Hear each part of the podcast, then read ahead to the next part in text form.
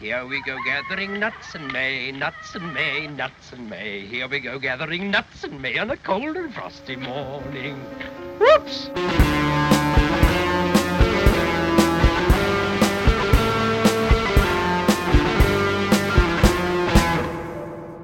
Hej och välkomna till Demonpodden! Podden där vi nu för tiden talar om saker och ting och historier som har filmats mer än en gång. Kanske två eller fler. Jag heter Kalle Färm och med mig som alltid har jag Olof Ekström. Hej!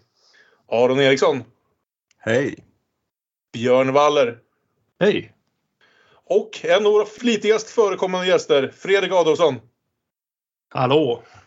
Tillbaka igen. Härligt att ha dig. Trevligt att vara här. Ja. Och riktigt fullt hus idag. Jag vet inte om vi har varit sex personer i podden samtidigt. I alla fall inte när vi spelar in på distans. Eh, Erik Fransson, välkommen till Demonpodden. Tackar, tackar. Kul att vara här. Ja, kul att ha dig här. Ja, och Erik, vi brukar ju ställa någon liten presentationsfråga i alla fall till våra förstagångsgäster. Så eh, vem är du och hur känner du osynliga män så som vi ska tala om dem idag? Nej, så skulle jag ju inte säga. Det var inte det som var frågan. Vi säger så här under den här säsongen tror jag. Vem är du och vad är din favorit-remake? Eh, Erik heter jag. Jag känner detta gäng från Buffy Forum-tiden tror jag. Mycket trevligt. Eh, min favorit, favorit remake. Eh, bra fråga vilken det kan vara. Men det kanske är The Thing kanske. Kan det vara det? Det låter som högst rimligt svar. Förmodligen även mitt svar. Och då gissar jag att du menar den från 2011? Exakt. Vi är här ikväll för att tala om inte en utan två osynliga män. En av dem från 1933 och så en från 2020. Alltså nästan 90 år däremellan.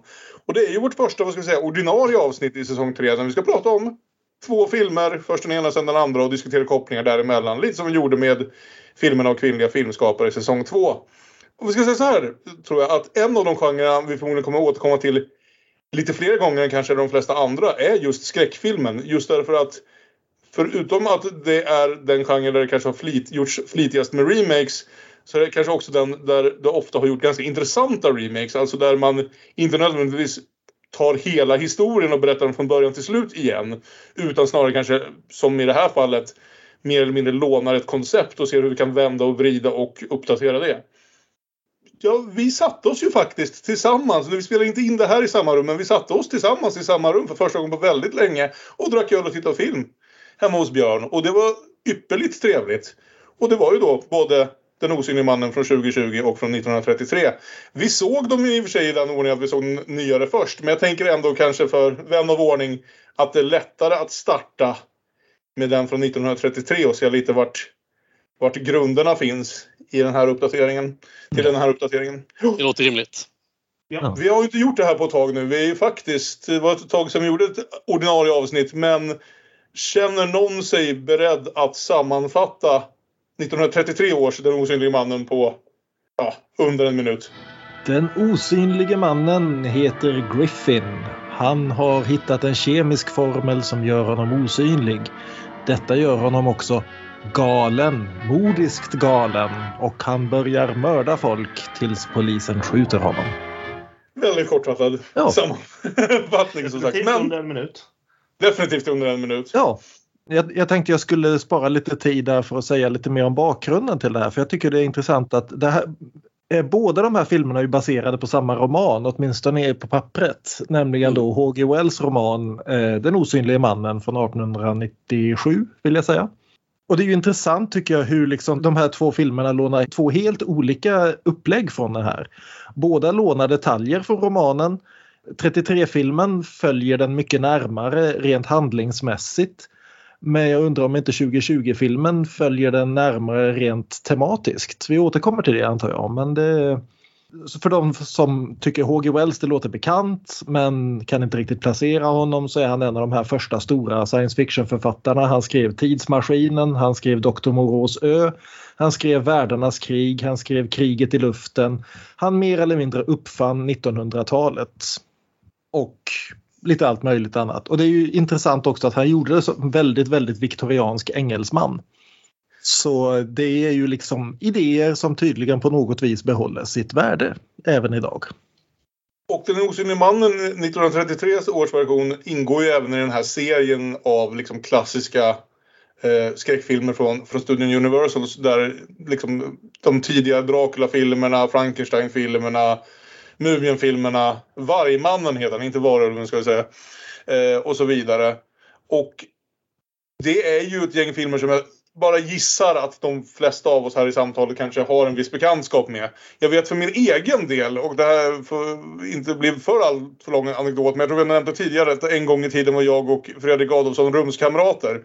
Och sen så skulle vi flytta isär. Och då lånade vi skivor av varandra som vi inte hade hunnit se ur varandras DVD-samlingar medan vi bodde ihop. Så jag snodde alla Fredriks Universal Horror-skivor och tog dem till Norrland ett år. Kommer jag ihåg. Och det var nog första gången jag såg den här osynliga mannen.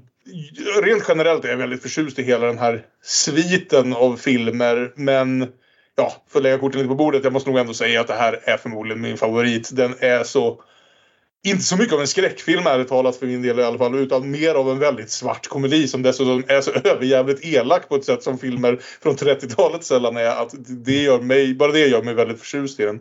Men vi kan väl gå lite bordet runt och börja med våra gäster vad de har för tidigare bekantskap med, ja men kanske dels med de här, den här sviten av Universal skräckfilmer men kanske framförallt då den här versionen av Osynliga mannen.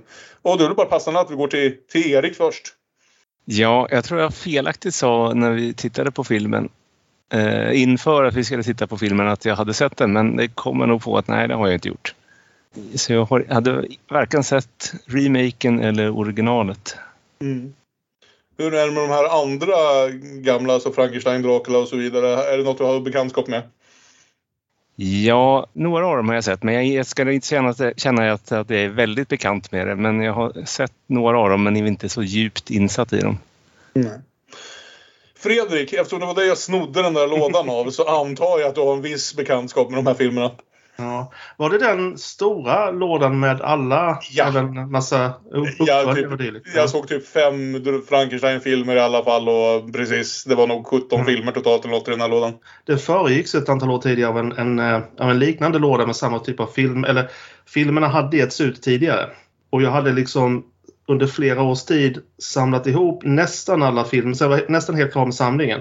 Så mm. hittade jag den riktigt läckra stora boxen eh, för en riktigt billig summa. Jag minns, eh, jag minns det fortfarande med glädje. jag, jag, har inte sett alla, jag har inte kollat igenom riktigt alla. Men jag har ju framförallt sett första, alla, så att säga, alla första filmerna. Mm. Och är väldigt förtjust i, eh, i, i dem allihopa, vad, vad jag minns. Mm vissa mer än andra. Jag tycker till exempel att Creature from the eh, Black Lagoon är oerhört underskattad av de där och håller mm. förvånansvärt bra. Men den här är också den är högt i topp. Den, mm. är, den är speciell. Jag, jag, jag gillar den här liksom pulp-känslan. Den här lite, lite trasiga, snabba stilen. Olof, hur är det med dig och universalskräck? Jo, jag har sett en, eh, en hel del. Säkert långt ifrån alla, för jag tror det finns eh, väldigt många. Och jag undrar om inte de här... Eh, ingår inte typ alla de här Abbott Costello-filmerna också i den här på något sätt? Tekniskt sett bara den när de träffar Frankenstein vill jag säga. Ja. För att det är ja. den de får tillbaka alla skådisarna så att de slår mm. ihop de två universumen. Kanske första gången som man valde att slå ihop två helt ja. olika. Ja, de var lite, eh. de var lite tidigare där med Cinematic Universes och så ändå. Eh, nej, men eh, jag har sett en hel del Universal-filmer. Jag, jag, jag, tror att jag eh, har varit rätt förtjust framförallt i Dracula-filmerna har jag tyckt, eh, tyckt mycket om. Både spanska Dracula är rätt härlig och även Draculas dotter minns jag som ja, ganska Draculas fin. dotter tycker jag är en liten pärla. Ja. Det, det tänker jag på som första gången i alla fall på mm. film som de gör hela den här grejen om att vampyrer inte nödvändigtvis är onda monster utan Eh, Problematiserade lite ja. Ja precis, utan, utan blodknarkare som har ett behov av att eh, jag på att säga suga människor, det lät fel. Eh, men, men, eh, men vad heter det? De fick inte visa, så, de fick inte visa det, sånt på, på 30-talet. Även om det kanske var pre-code, eh, eller på gränsen möjligen. Ja, nej men en sak som jag tänkte på. Jag hade sett den här gamla Invisible Man tidigare men jag, jag reagerade på nu när vi såg om den precis det som du sa Kalle, vilken jävla rolig film detta var. För, det är ju inte alla... Alltså jag skulle kanske säga ändå säga många av de här Universal-filmerna kanske har inslag av av humor, gärna lite torr humor och sådär. Men den här går ju verkligen bananas med hur, eh, hur rolig den är emellanåt. Mm. Och att det, ja, det tar kanske över lite grann från, eh, från sk- skräckinslagen men inte för, det gör inte så himla mycket. Aron, hur ser det ut för dig? Jag är också en gammal vän av Universal-familjen. Kanske är det framförallt de här eh, James Whale-filmerna. Frankenstein-filmerna och eh, ja, den här då. Jag vet inte om All Dark House också är en Universal-film. Ja, det Den räknas ju inte riktigt i samma Det är väl mer på den... monsterhögen. Men, eh, Nej. men Jag den undrar om det också. var mer för att den blev så totalcensurerad eller något. Att den typ var svår att hitta. Så jag tror inte de ville kännas vid den riktigt. Ja, och det är att det, att det inte är en monsterfilm på samma Ja. sätt. Utan Nej. det är mer en psykologisk liksom, skräckkomedi. Mm. Men ja, den borde räknas in där för den är förbannat Mm. bra. Och James Ja, Whale har ju den här eh, humorn. Jag Precis. tänkte komma på ett adjektiv till humorn. Elaka humorn, ska vi kalla det så? Bitska humorn. Mm. Camp humor. Han var gay vet ni. Jo, och han var öppet gay dessutom i 30-talets Hollywood. Det är rätt imponerande. Men Björn, nu kommer vi sist till dig och det tänkte jag för att jag bara föreställer mig dig som en per per- person som typ hade det här istället för mat under tonårsåren. De här filmerna gick ju alltid på tv. Jag har ett vagt minne av att vi faktiskt lekte Osynliga mannen någonstans där runt 1979-1980. Men eh, jo, nej, men visst, jag har ju sett de här filmerna hela mitt liv. Och det, vissa av dem har åldrats bättre än andra. Vi behöver kanske inte prata allt för mycket om bristen på spänning i The Wolfman eller någon, några sådana saker. Eller hur bra skådespelarinsatserna inte alltid är. Men jag tycker ju liksom att favoriterna håller ju något så förbannat väl. Eh, och- 30-talet håller bättre än 40-talet kan vi säga. Ja, det Ja, kan vi det absolut säga. Och just Osynliga mannen är ju det är en evig favorit. Just hur, som sagt, fullständigt galen den här filmen väljer att bli. Också nu liksom när jag läste om romanen och såg om filmerna och alltihopa. Det, det finns liksom ändå Precis som i Frankenstein så finns det ett djup där om man, om man liksom, som de inte har tvättat bort fullständigt. Det är ju väldigt lätt att en sån här film kan bli bara ren uppvisning i specialeffekter. Och det är ju väldigt imponerande specialeffekter för att vara 1933. Även om, del, även om en del av det säkert bara är en fiskelina som håller i någonting. Men just hur effektiv den lyckas bli bara på sådana här saker som att inte visa saker och ting som den måste göra. Och hur den liksom ändå lyckats hålla i det här sena 1800-talets Vem är människan när Gud inte tittar på? Mm. Precis. Vi kommer in lite mer på det antar jag. Jag antar att Aron vill prata Nietzsche och jag vill prata Dostojevskij. Men vi, ja. det, det, det, är liksom, det, det finns en tyngd i filmen under alla galenskaperna och Mm. jag gillar verkligen det. Sen att den inte är så effektiv som skräckfilm just, det må vara hänt. Men en monsterfilm är det absolut. Jag tycker bara inte ens att det känns som att det försöker... Precis, det är en monsterfilm. Jag tycker bara inte ens att den aspirerar på att vara en skräckfilm och misslyckas. Utan jag tycker bara att den har bestämt sig för att vara en annan sorts film helt och hållet. Och en film som jag älskar väldigt mycket. Men vi drar väl igång filmen. Vi behöver inte köra riktigt scen för scen. Men vi kan ta de, ta de stora punkterna. Vi ska inte ta det så noggrant säger jag, men jag tänker ändå börja med förtexterna. För jag gillar hur den börjar med Claude Rains, dessutom i sin allra första filmroll. Som på något sätt får liksom får, får, får sin genomslagsroll i en roll där han alls inte syns förutom i två sekunder på slutet. Utan allting hänger på hans fantastiska jäkla röst, röst liksom framträdande här. Jag tror vi hade en diskussion, jag vet inte om någon sen listade ut det här huruvida det är han som är under alla de här kläderna under inspelningen eller inte. För det börjar ju med att vi presenteras för den här professorn och namn är ju aldrig min starka sida här, eh, Griffin. Dr Griffin när han kommer till ett hotell eh, någonstans i vad vi listar ut sen förmodligen ska vara någonstans på typ den engelska landsbygden men som jag alltid typ har tolkat som Alperna eller något för att det är så jävla mycket snö överallt. Nej, det är Iping på den Sussexska landsbygden. Enligt romanen så kommer han fram den 29 februari. Bara en sån sak. Ja, Ooh. Men visst måste det väl vara så att det är, att, att det är Claude Rains eh, som spelar scenerna. Alltså att inte de, jag tror inte att de har lagt på ljudet i efterhand utan att han är där och spelar. Jag är ganska säker på att de har lagt på ljudet i efterhand om inte annat. För jag tror inte dåtidens mikrofoner hade kunnat fånga upp honom pratandes genom ett gäng bandage. Utan att det hade låtit som när du inte har rakat dig. Och eh, direkt så presenteras vi för en person som vi ju nästan allihopa tror jag jublade lite över, nämligen Una O'Connor som är liksom bäst i klassen i den här.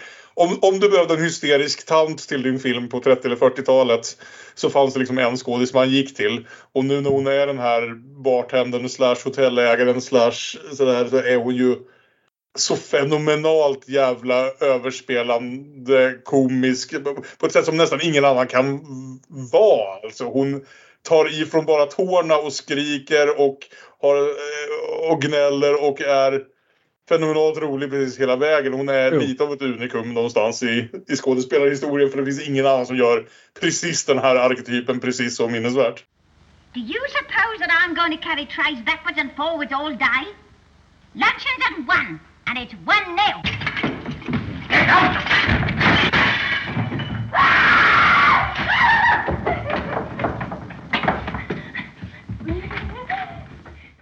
Nej, det, det, det hon gör här är ju i princip det som Cloris Leachman försöker göra i Young Frankenstein. Ja. Bara det att Cloris Leachman är inte i närheten. Det, hon känns som en seriös skådespelare i jämförelse. Det är liksom, Una O'Connor tar i så det stänker.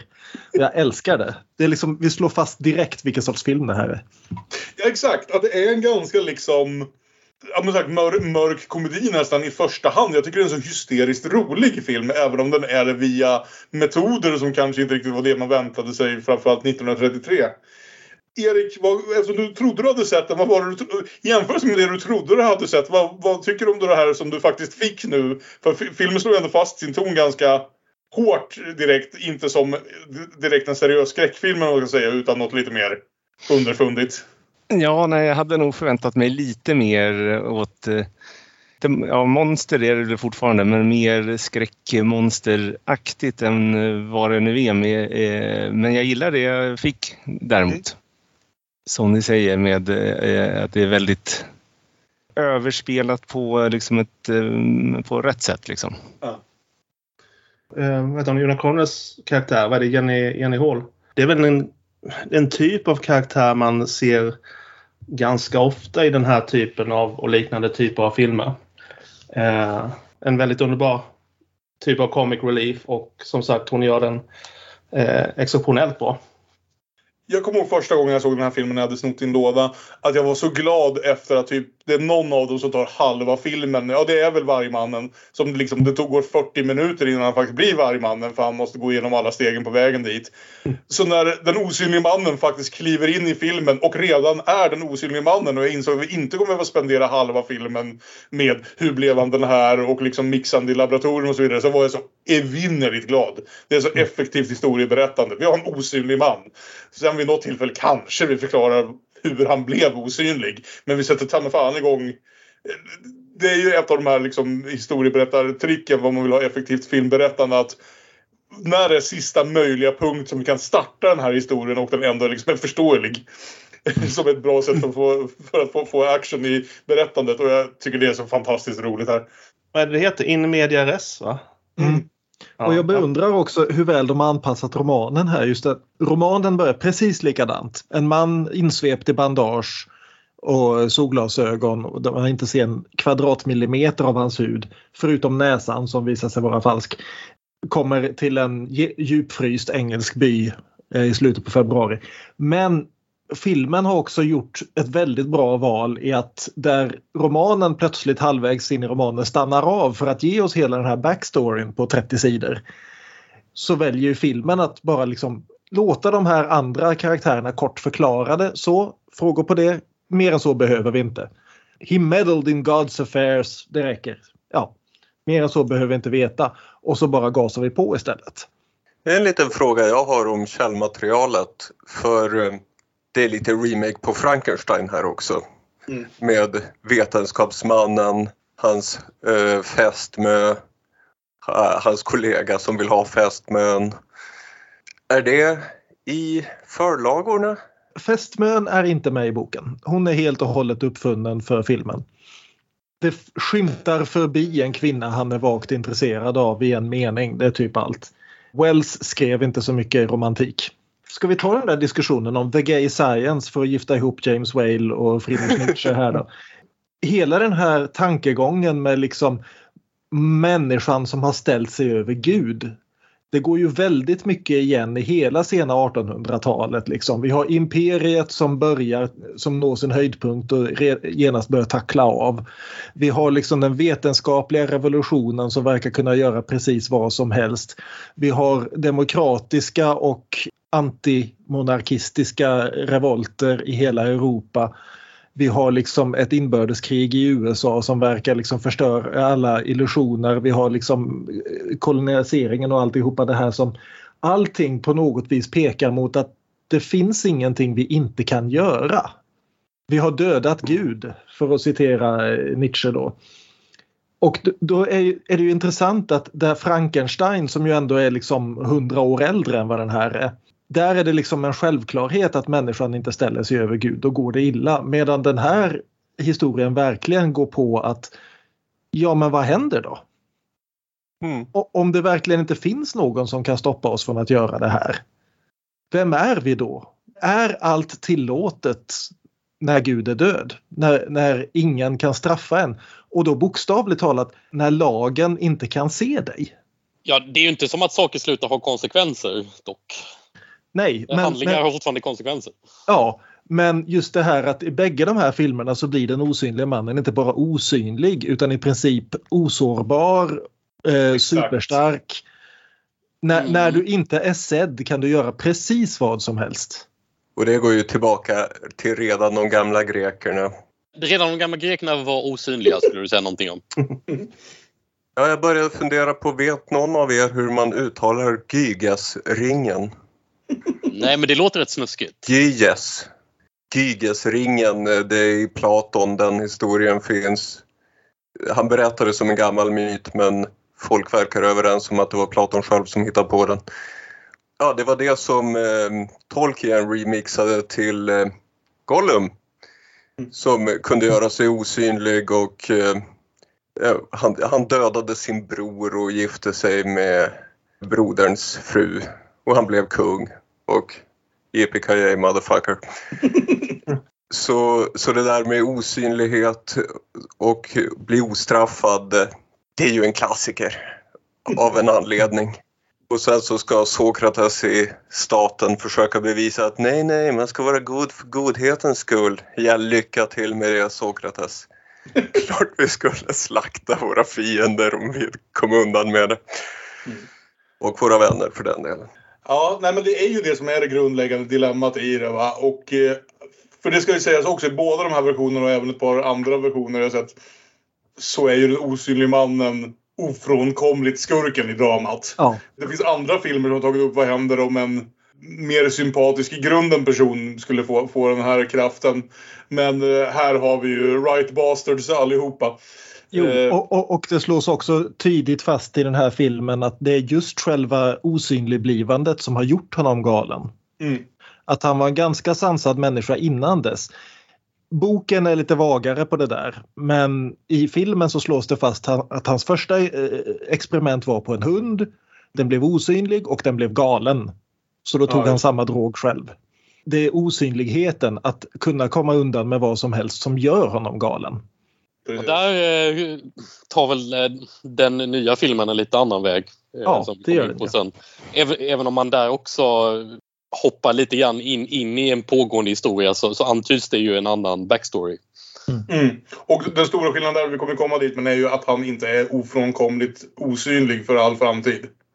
Det också. I den filmen. Ja. Eh, vad som händer i filmen dock är ju att, eh, ja som sagt, vi lär känna de här karaktärerna som är mest där, höll jag på att säga, för att kunna ge lite backstory och så. Den här äldre doktorn eh, som spelas av, av Clarence från It's a wonderful life. Och så, vad heter det, kärleksintresset som spelas av Gloria Stewart som eh, fick en Oscar för Titanic typ 80 år senare. Det, det, finns en viss typ av karaktärer alltid i de här filmerna där vad ska vi säga, tempot sjunker undan lite när det är deras, dags för deras scener. Det är inte lika illa här för att jag tycker de är ganska sympatiska och karismatiska skådisar. Det är inte lika illa här som typ när Dracula klipper tillbaka till London innan han själv är i London. Men det är ju inte de roligaste bitarna av filmen. Nej, utan det som är roligt är ju det som händer i den här byn där vi redan efter ungefär mindre än tio minuter så har då den här osynliga mannen fått slut på pengar. Det vill säga det har gått några veckor, han har helt slut på pengar, de vill kasta ut honom ur puben där han har bott eh, utan att betala räkningen en vecka.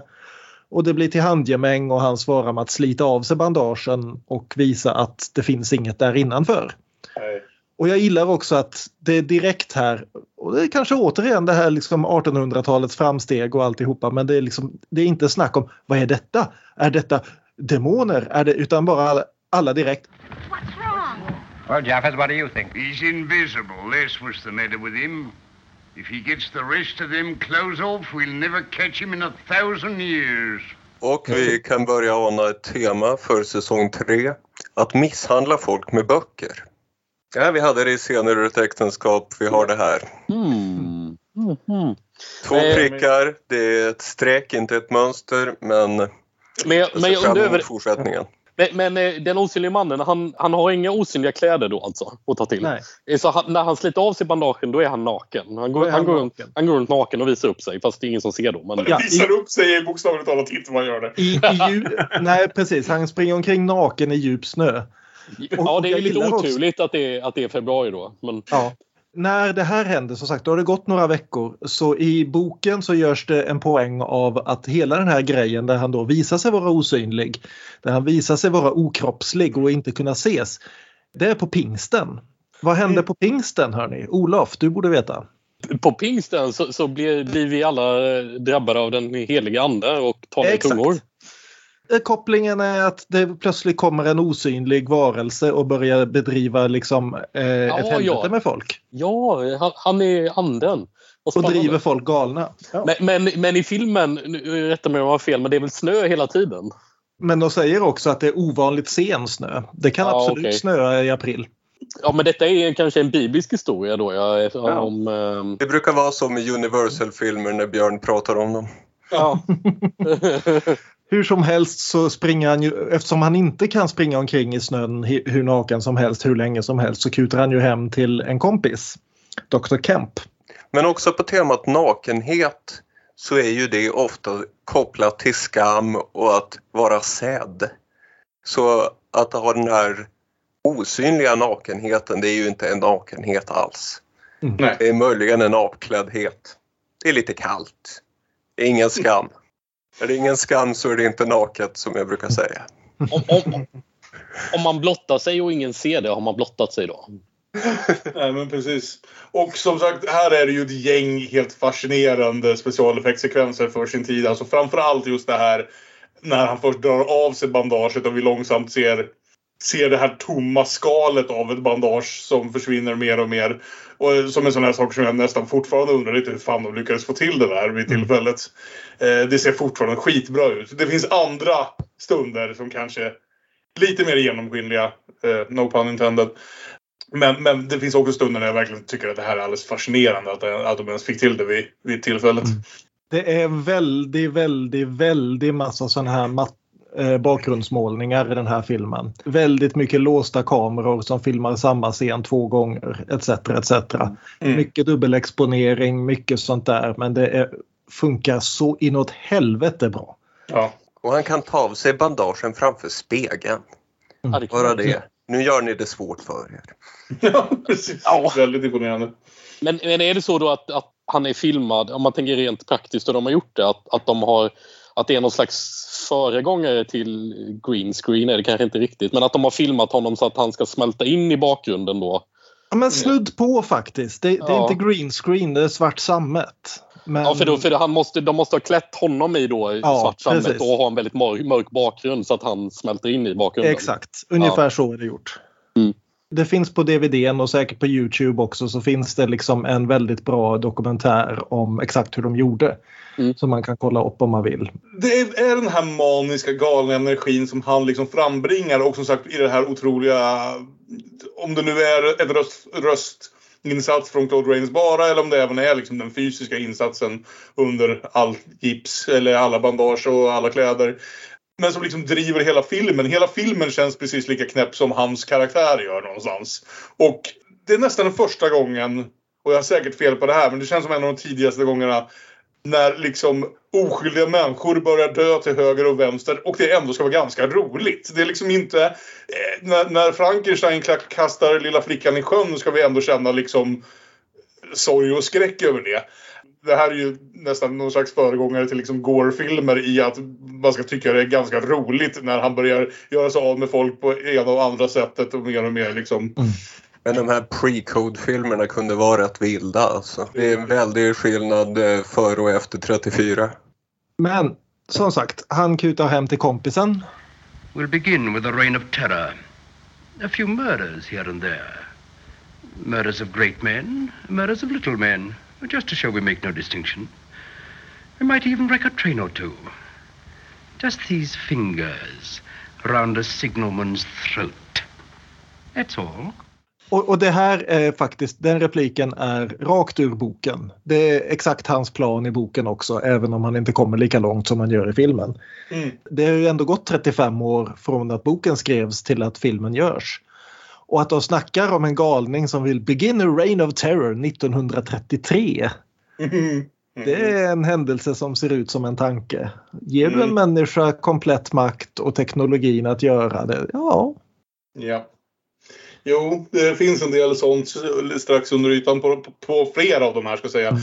Framförallt eh, James Whale-filmerna men, men eh, James Whale-filmerna är som sagt de som sticker ut i vad de liksom hade för både djupare betydelse och underfundig humor och så. Jag gillar flera av de andra också men de är lite mer, lite mer ytliga någonstans. Vad, vad, säger du Erik? Vid vilket läge inser du vilken film det är du tittar på och om du, om, om du uppskattar det så att säga? Ja, om man inte insett det innan så är det ju när det är the, We begin with the reign of terror i alla fall. Men hur skulle du beskriva din upplevelse av det? Vad är det du uppskattar med den här? För nu bara antog jag att du gillar den i och för sig. Det kanske inte ens har kommit så långt som att fråga om du gör. Eh, nej, jag gillar den. Eh, på något sätt är det ju lite av en gemytlig, eller, eller så här, det är en charmig, eh, eh, charmig pub de kommer till. Det är gemytligt och så kommer den här eh, eh varelsen in och eh, gör någonting spännande i tillvaron för de som eh, sitter där. Exakt! Eh, det gillar jag faktiskt också att du säger. Att det är inte liksom som att det bara är skräck för dem utan det äntligen, äntligen händer något. Mm. Lite grann. Det hade inte jag riktigt tänkt på. Att, att det är som att änt, äntligen kommer tivoli till stan typ. Har vi suttit, har vi suttit och druckit och haft tråkigt. Ingen har dragit åt skruvarna på det här tivolit på ett tag men det är okej ändå. Så den är, det är väl egentligen ganska direkt vad det är för typ av film. Även om den kanske, kanske inte, det kanske dröjer lite innan den blir det visar sig hur många, hur många som stryker med. Men... Ja. Det ska också sägas att det är en ganska vad ska vi säga, tidseffektiv film. Jag tror de, vi mätte upp den till 71 minuter till slut. Va? De var ju, ingen av de här var ju några, några episka filmer på den här tiden. Men, men det här kanske ändå är en av de allra kortaste. Så det är definitivt effektivt historieberättande här. Och det här Reign of Terror kommer ju igång ganska direkt liksom. Ja. Han börjar med att mörda några stycken som försöker hjälpa honom eller försöker leta efter honom. En grej som jag verkligen gillar här och som de kanske inte hade behövt göra men det är hur praktiskt de ser på det här.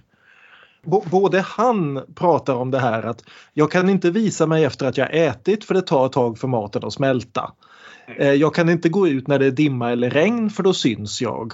Och även att de som börjar leta efter honom direkt. Right lads! Nu vet vi att om, han, om det är gyttjigt så kommer han att lämna fotspår och han kommer att frysa för han måste vara naken. Och det är liksom alla, alla ser direkt på de praktiska nackdelarna med att vara osynlig. Mm. Det, det, han är inte ett övernaturligt väsen på något sätt utan han är väldigt mycket en, en rationell 1800-talsskapelse det är en dålig film men just de bitarna är den lilla biten som jag uppskattar med, med John Carpenters Osynliga mannen med, med Chevy Chase. Som ju är en film som väldigt mycket gör det här jag nämnde i början. Att försöka ta, ta vad, vad händer om det här händer. En ganska sympatisk snubbe. Och de bra bitarna av den filmen, och de är inte så många, men det är just det här när han går igenom att ja, han, han har ju ett par kläder som blev osynliga tillsammans med honom. Men de vågar han ju inte ta av sig för hur fan ska han hitta dem igen? Och, eh, och, och just det här att man verkligen får se då med 90-talets specialeffekter istället att när han börjar äta mat så tar det en liten stund innan den liksom försvinner. Först rinner liksom hallonsoppan ner i halsen och snurrar runt i magen en stund innan den också blir osynlig för att den då liksom tas upp och blir en del av honom. Och alla de bitarna gillar jag väldigt mycket i den filmen måste jag säga. Men det är också ungefär de enda bitarna jag gillar i den filmen. Mm. Nej, för sen så drar han ju igång här och han trakasserar folk i största allmänhet. Det finns en helt fantastisk scen när han jagar en skrikande kvinna iklädd bara ett par byxor och sjunger Here we go gathering nuts in Maine. För det är just det där, han, han säger att han pratar om Reign of Terror och världsherravälde men egentligen har han väl inte direkt någon plan och han är ganska småsint av sig Ja. och, och blir lätt distraherad. Ja, det är Ja. det som är så hysteriskt roligt. Att man ser aldrig riktigt hur det ska dras en rak linje från att liksom terrorisera en kvinna åt gången till, till någon slags världsherravälde. Verkar Han bara... börjar ju också med det att ja, vi börjar småskaligt. Vi dödar några mäktiga och några vanliga, bara så de vet att vi inte gör skillnad. Praktisk som Björn säger, men samtidigt så oerhört småsint så när han blir det minsta lilla irriterad så, så blir det att döda snuten. Ja, och det värsta han gör är ju att, att han smyger sig in i kontrollbåset på en station och lyckas få ett tåg att spåra ur ner i en ravin och döda över hundra människor. Ja, just det. Och det är, liksom, det, det är en grej han gör helt enkelt. Han mördar hundra människor. mitt i en film som främst har varit en komedi. Det är Ja, och fortfarande... det är liksom, herregud, Dracula är inte i närheten av dödssiffrorna här. Det är liksom Alltså- Frankenstein, hi- Frankensteins monster hivade ner en liten flicka i vattnet. Osynlige mannen mördar hundratals människor helt urskillningslöst och utan minsta betänklighet. Ja, och den scenen är nästan lite konstig i...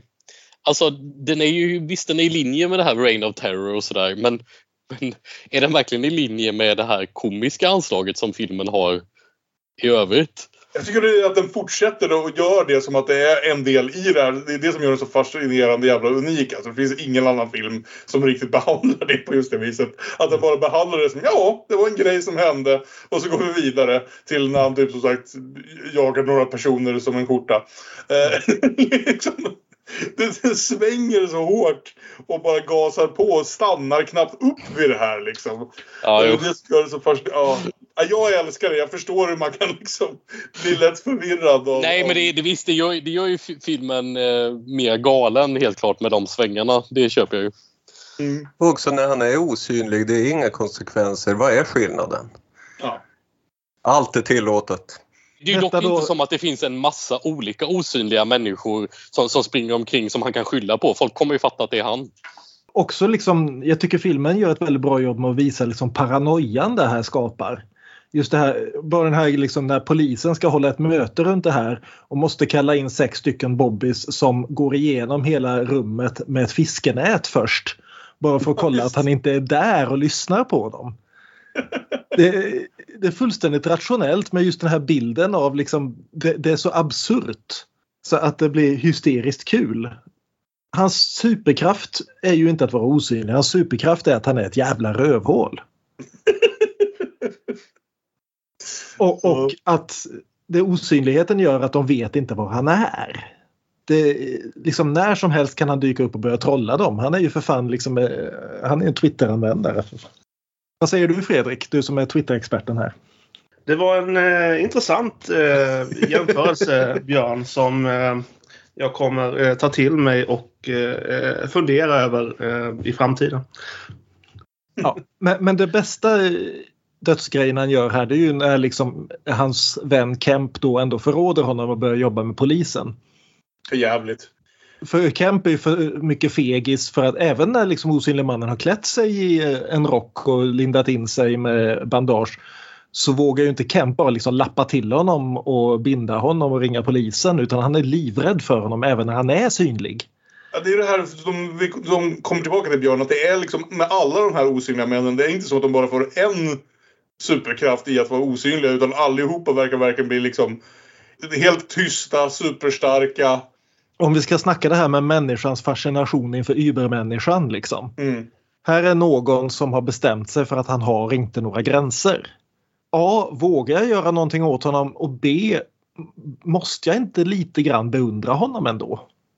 Mm. Kemp väljer ju ändå att spela med här. Han protesterar men han hjälper till. Ja, det är, det är fascinerande. Alltså, Kemp är kanske inte liksom den mest minnesvärda karaktären på det sättet och så. Men det han faktiskt gör här är ju intressant. Just det här att han är så totalt, om det är ryggradslös eller om det är att han på något sätt ser en framtid för honom i, i, i världsherraväldet eller vad det är.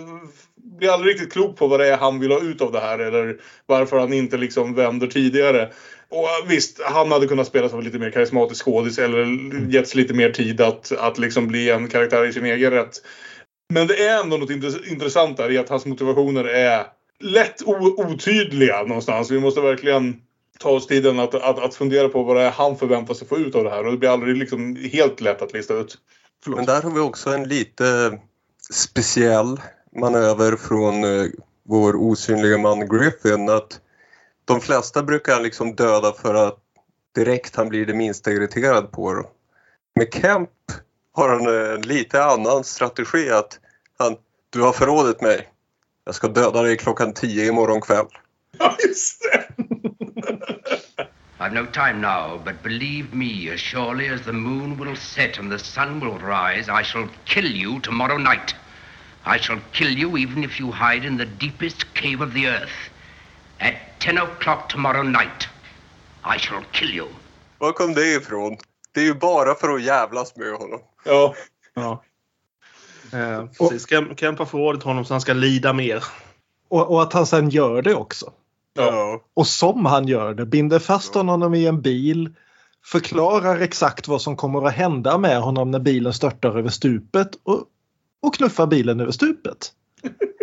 Det, det, här är liksom, det är en sån här grej som man skulle väntat sig att se av en skurk i någon typ, jag vet inte, Arnold Schwarzenegger-film på 80-talet liksom. Skurken som så fullständigt njuter av att vara skurk. Ja, verkligen. Jag skulle vilja eh, spola tillbaks lite och eh, ställa en, en liten fråga.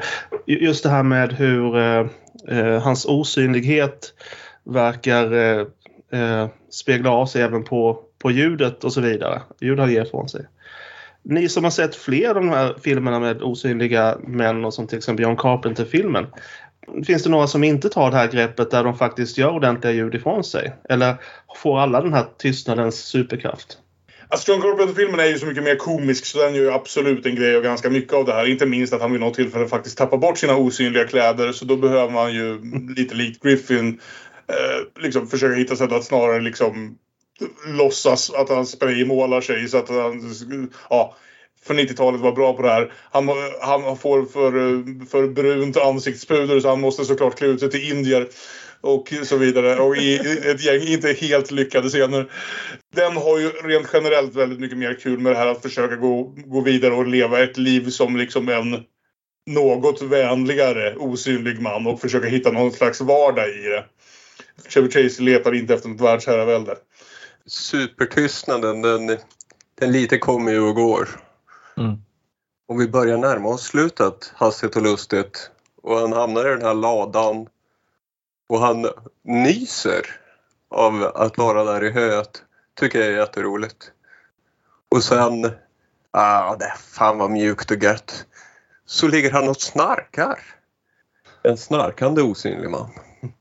Boken gör ju en väldigt stor grej av det här att han hörs även när han inte syns. Det är liksom så folk märker att han håller på att råna dem eller att han jagar dem eller någonting. Att om han inte liksom för tillfället verkligen överlagt smyger. Man kan smyga ganska ljudlöst om man liksom ser till att hålla andan och tassa fram på tå. Men så fort man inte gör det, om man rotar igenom ett rum eller om man springer efter någon, då hörs man. Mm. Mm. Och det görs en väldigt stor poäng av det i boken. Att det är så de kan veta ungefär vart han är men aldrig exakt var han är. Och det för oss ju fram till slutet här i ladan egentligen. Bonden som är i ladan eh, märker honom när han, han sticker runt med högaffeln och råkar träffa honom eller hur det är. Varpå han springer till polisen. Och polisen Hör polisen honom därför att han håller på att nysa? Jag kommer inte ihåg nu. Eller att de bara ser fotspåren i leran utanför? I snön. Det är sista, sista majsnön som faller. Och de säger uttryckligen att vi måste snabba oss för den här snön kommer inte att ligga länge. Nej, just det. De sätter fyr på ladan, han flyr ur ladan, de ser fotspåren, skjuter ungefär där fötterna är. Och han ramlar i kull i snön. Mm. Och han dör med en sista stund av att filmen i alla fall verkar vilja, vilket är lite lustigt efter den här filmen som tagit så absurda svängar och så. Att vi ska känna någon slags, jag vet inte om det är sympati, men i alla fall lite vemod över att det gick så här för, för den här briljante mannen. Och i eh, sitt sista stund, så, eller rättare sagt när livet går ur kroppen på honom så återvänder han till synlig. Och Claude Rains får faktiskt vara i bild i två sekunder innan filmen är slut. Det är också en intressant det här liksom lätta vemodet vi ska känna någonstans på slutet. Att, att filmen väljer att ta det för någon som har varit en absolut unrepentant psykopatisk liksom bastard hela vägen igenom. Ja. Ordningen är återställd, makten har klivit in igen, mannen blir synlig och får lida straffet för sina handlingar. Mm, mm. Men var det inte jävligt kul ändå att kunna, hand, att kunna handla utan konsekvenser? Exakt. Det är också fästmän som är med där på slutet som antagligen känner den här lite Mm. timide Jack Griffin som vi aldrig lärde känna. Nej, precis. En annan person som hade, eh, som sagt, i många av de andra filmerna hade, hade första halvan handlat om honom och henne på en tid när han var en mer normal person. Lite som de flesta Dr. Je- Dr. Jekyll och Mr. Hyde från den här eran är inte en del av Universal-filmerna tekniskt sett. Va? Jag skulle tro att det inte är det nu. Nej, precis. Eh, Men det är den- lite vad som händer i uppföljaren Invisible Man Returns. Där eh, Vincent Price är eh, felaktigt dömd för mord. Men han är kompis med Frank Griffin som Mm. är bror till Jack Griffin.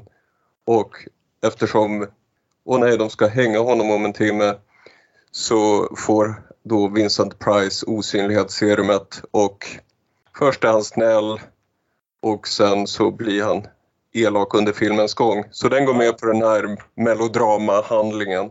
Är den bra? Den är helt okej. Effekterna är eh, ganska jämnvärdiga. Det är definitivt inte en skituppföljare. Nej. Den går med för det här melodramat och är ju då inte lika lajbans. Vilket jag tror är rätt ord att beskriva Invisible. Absolut. Inte lika Men- pang på rödbetan heller kanske. Men den har en del bra scener. Jag såg Och två till av uppföljarna. Också 1940 kom den Invisible Woman. Oh. Som dock inte verkar vara del av samma mytologi. Det är en screwball-komedi helt enkelt. Ja. Som, eh, som var först jävligt tråkig men sen blev den lite rolig ändå. Så den är inte bra men den är inte så usel. Nej. Och sen 1942 Invisible Agent. På svensk titel Gestapos fiende nummer ett. Klockrent. Apropå de här eh, maktfantasierna vi har pratat om. Det visade sig att eh, Frank Griffins barnbarn, antagligen den Frank Griffin då som var i Invisible Man Returns. Mm. Han slåss mot nazisterna som osynlig man. Och intressant fakta om denna film. Den kom 42. Svensk premiär 23 april 1945. En vecka innan Hitler dog. Så, så kanske var det nådastöten. Åh nej, Gestapos fiende nummer ett har haft premiär i Sverige. Nu är det kokta fläsket stekt. Värt att nämna om den också att Peter Lorre spelar japan. Åh, herregud. Ja. Och sen så fortsatte det ju komma en massa eh, osynliga mannen-grejer. Det, det är lustigt att ingen av de här är ju eh, åtminstone officiellt en anpassning av romanen av alla de här grejerna som kommer. Några, några snor ganska friskt från den. Mm. Eh, till exempel då eh, Paul Verhovens Hollow Man från 2000. Ja, Var det någon den- som såg om den nu? För det minns jag inte som en särskilt bra film. Jag såg, jag Jag såg, såg den. Ja, Det, var inte en speciellt bra film. Jag tycker den är lätt ganska underhållande ändå. Om säger så här, den har lite obehagligt mycket sexuellt våld, särskilt för något som Ja. utger sig för att vara liksom ganska mycket av ändå en underhållnings-action-thriller. Men bortsett från de bitarna som var ganska obehagliga på fel sätt så hade jag ändå ganska kul med den på ett ganska Verhoeven sätt. Han, han är ju inte den som drar sig för att, att slaska till det med blodet och våldet när det krävs. Och jag tycker det är ju dock en film som, som spenderar ganska stor del av filmen innan någon blir eller ja, innan han blir osynlig. Men jag tycker också att Kevin Bacon är jävligt bra på att spela den typen av arsle som, som han känns ju mer nästan i linje med, med eh, 33 års eh, osynliga man än, Ja. än i filmen vi faktiskt ska prata om här alldeles strax. Jo. Erik, Ja. har du något, några sista ord om den första, osynliga, första osynliga mannen var det säkert inte, men den tidigare av våra osynliga män? Eh, är sant som ni sa att det, den har ju inget sexuellt eh, inslag direkt. Eller alltså av utnyttjande av att man är osynlig menar jag. Nej, alltså den, den hade ju kunnat göra lite mer liksom typisk eh, 30-tals slapstick av någon sån variant. Nu är det ju bara att vi inser att han själv springer omkring naken. Men det är ju inget där han liksom, som de andra osynliga männen, eh, gluttar på tjejer i omklädningsrummet eller liksom eh, sådana saker som man också hade kunnat, ändå även 33 hade kunnat göra någon slags liksom buskishumor av. Eh, vilket kanske är tacksamt ändå. Eh, nej, det var inte så att jag saknade det. Det var inte därför jag tog upp det. Just det där med den sexuella biten, den är ju faktiskt ganska vanlig i många av de här Osynliga mannen-filmerna och Mm. tv-serierna. För det kommer ju åtminstone fyra, fem tv-serier också. Den, den första på 50-talet och den senaste ganska nyligen, va? typ eh, mitten av 2000-talet någonting vill jag säga på Sci-Fi Channel. Ja, säkert. N- det- I några är han skurken, för det allra mesta har han blivit hjälten. Därför att nu har vi lärt oss att nu, nu vet vi hur vi hanterar den här obegränsade makten. Så nu är det lugnt. Nu kan vi, nu kan vi vara goda. Det finns ett gäng japanska filmer också. Den jag verkligen är nyfiken på att försöka få tag på är The Invisible Man vs. The Human Fly från 1957. Jag såg den på listan och tänkte oh, det här, det vill jag se. Men det har inte blivit av än. Men så då 2020 kommer då till slut Lee Wanells The Invisible Man som är den första officiella filmatiseringen av H.G. Wells roman sedan 1933. Varför är den det? Jo, därför att H.G. Wells dog 1946 och eh, Osynliga mannen är numera i eh, public domain. Nu får vem som helst göra vad som helst med den och oj vad de gör det. Det för oss in i nutiden. 87 år senare var det som sagt dags för ytterligare en officiell osynlig man. Men också så som vi hintade mot. Kanske inte riktigt så mycket en film som återberättar samma historia som en film som återanvänder det rena konceptet. Eh, Tänk om en knäppis blev osynlig. Eh, för att berätta en ändå ganska annorlunda historia på många sätt. Och framförallt skulle jag säga med ett annorlunda fokus. För de flesta av de här filmerna som vi pratar om, eh, inklusive 33 års Osynliga mannen och Hollow Man och eh, John Carpenters eh, Trevor Chase-film, berättas ju från den osynliga mannens perspektiv i mångt och mycket. Nu byter vi helt perspektiv och lär istället känna Elizabeth Moss i rollen som en kvinna plågad av en osynlig man. Eh, Cecilia eller Si. Ja, just det. Känd från Simon Garfunkel-låten. Ja. Elisabeth Moss spelar Cecilia. Men vi lär känna henne när hon smyger upp mitt i natten och flyr från sitt eget hem. Ett hem som verkar ovanligt hyperteknologiskt bevakat med övervakningskameror och andra saker. Och vi får liksom inse någonstans längs med vägen att den hon såklart flyr från är sin egen make. Och att hon försöker lämna det här huset och honom utan att få honom att vakna eller märka det här. Därifrån så flyttar hon hem till några vänner. Men gissa vad? Hon börjar bli håntad av en osynlig man efter att ha sagt till henne att hennes make tog livet av sig efter att hon lämnade honom. Där kan man väl egentligen lämna det som sammanfattning egentligen.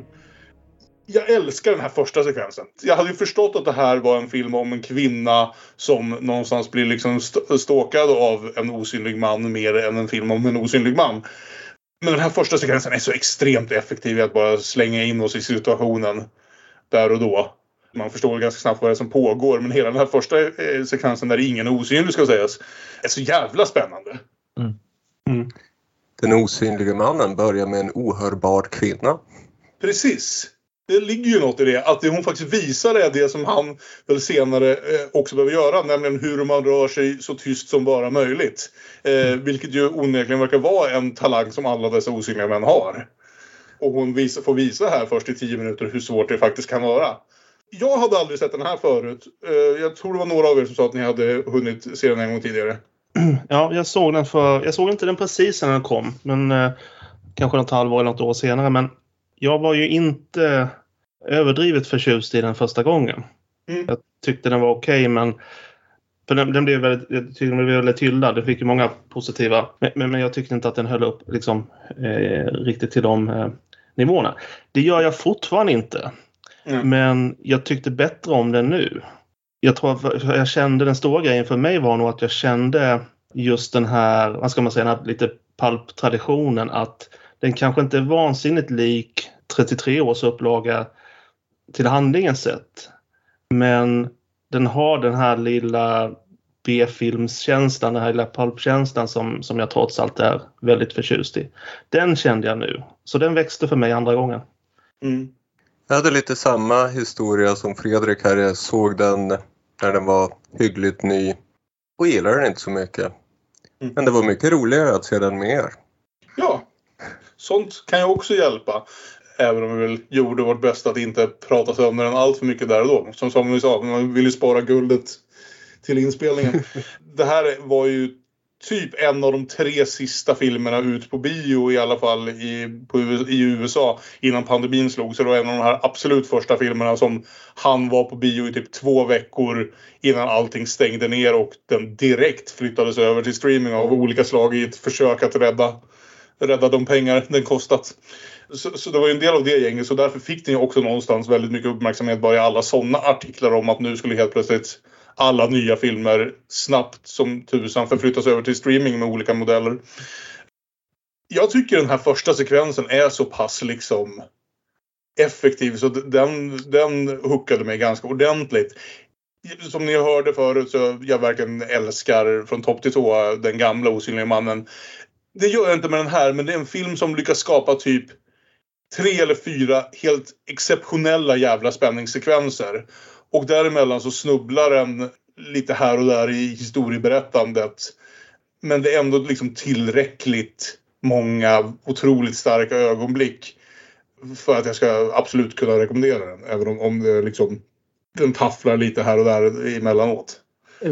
Lee Wanell som har regisserat är ju annars mest känd för att han har jobbat ihop med James Wan på eh, Saw, de olika Saw-filmerna, de olika Insidious-filmerna och så vidare. Jag tror hans solodebut var väl Upgrade som kom 2018 som har samma bra grejer och samma nackdelar tycker jag som den här. Enormt snyggt designad film med mängder av såna här små passningar till eh, klassiska exploitation-filmer, klassiska skräckfilmer men inte alltid tillämpat på rätt sätt. Han vet hur man gör en fantastisk spänningssekvens. Han vet inte nödvändigtvis exakt när den ska in.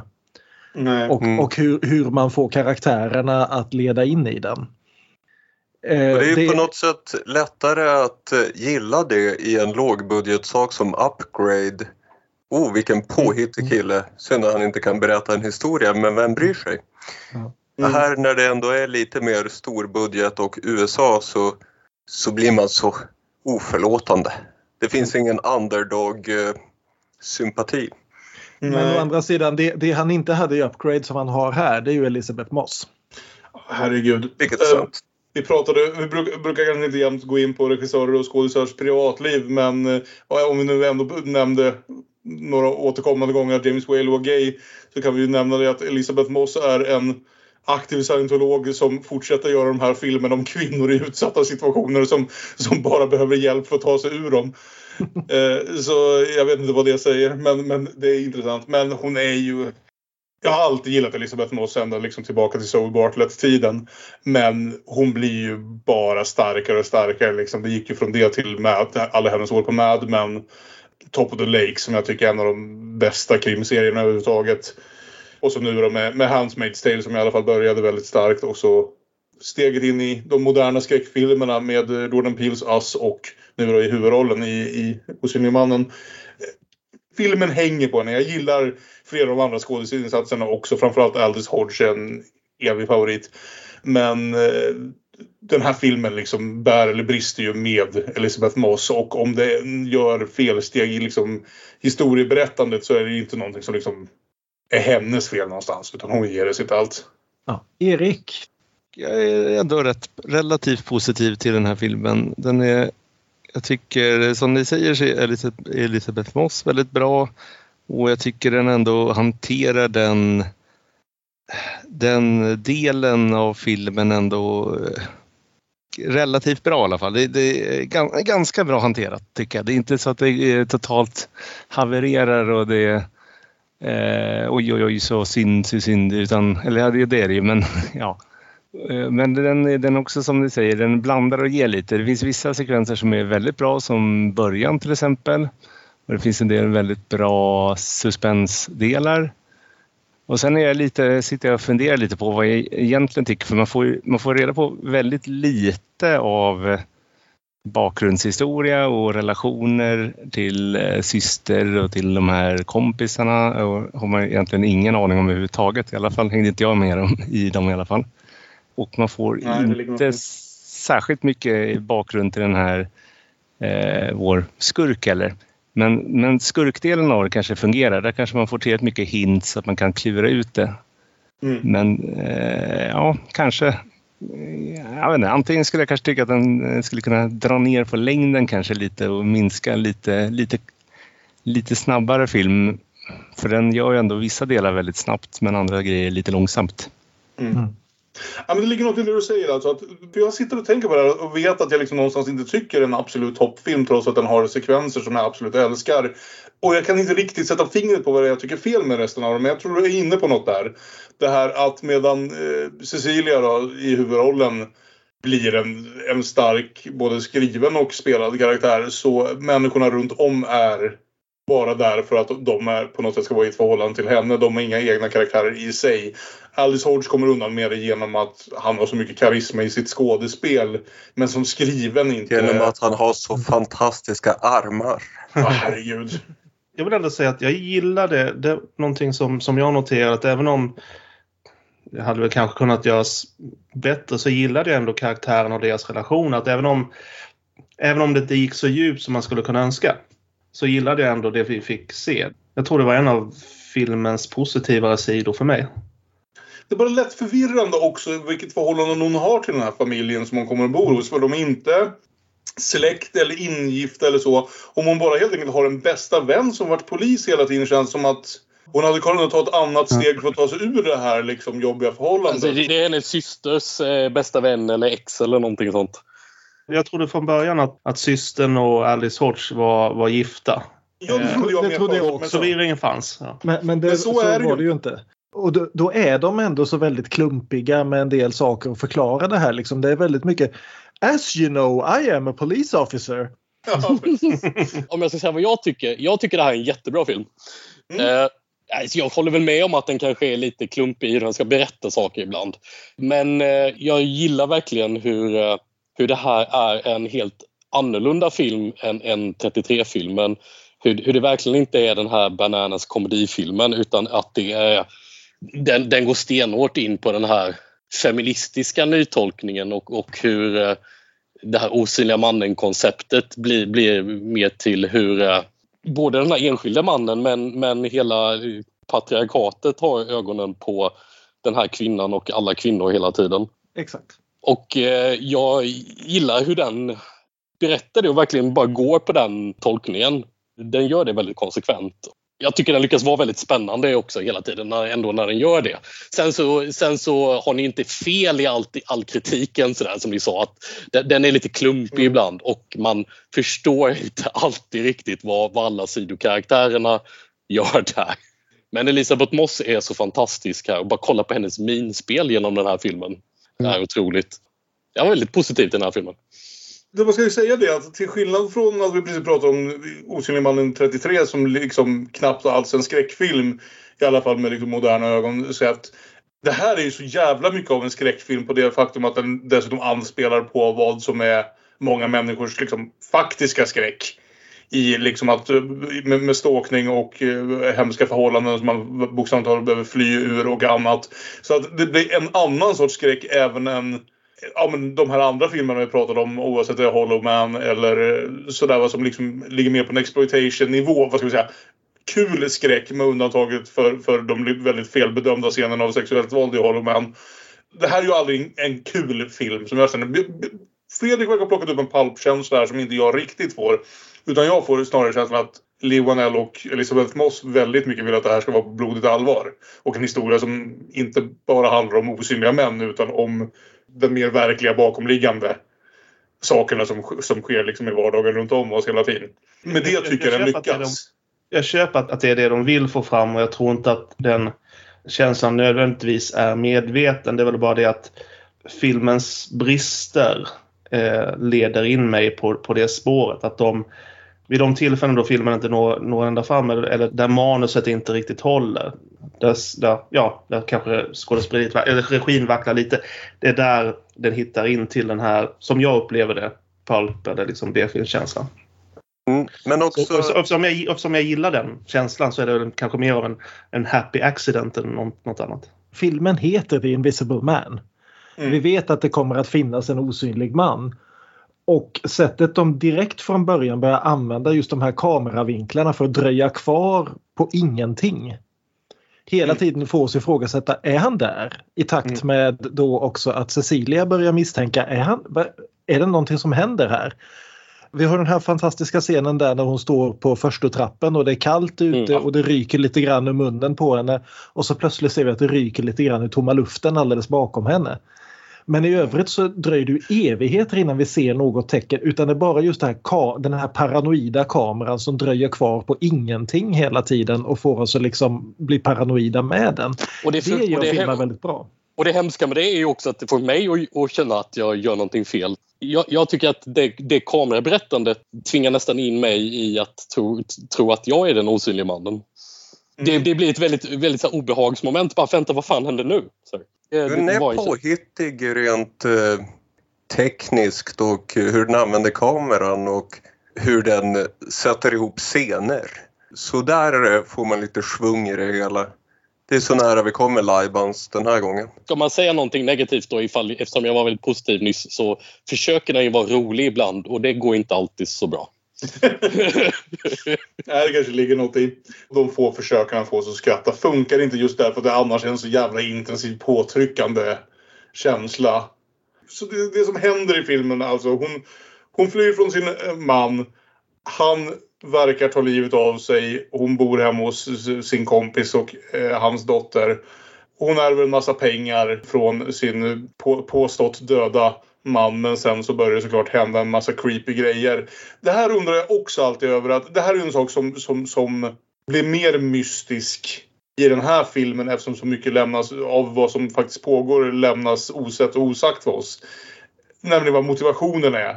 Vi vet enligt skräckfilmslogik att det måste börja med små sådana här terrorsaker som sagt eh, att någon som inte syns, eh, vad heter det, andas kall luft bakom henne på verandan.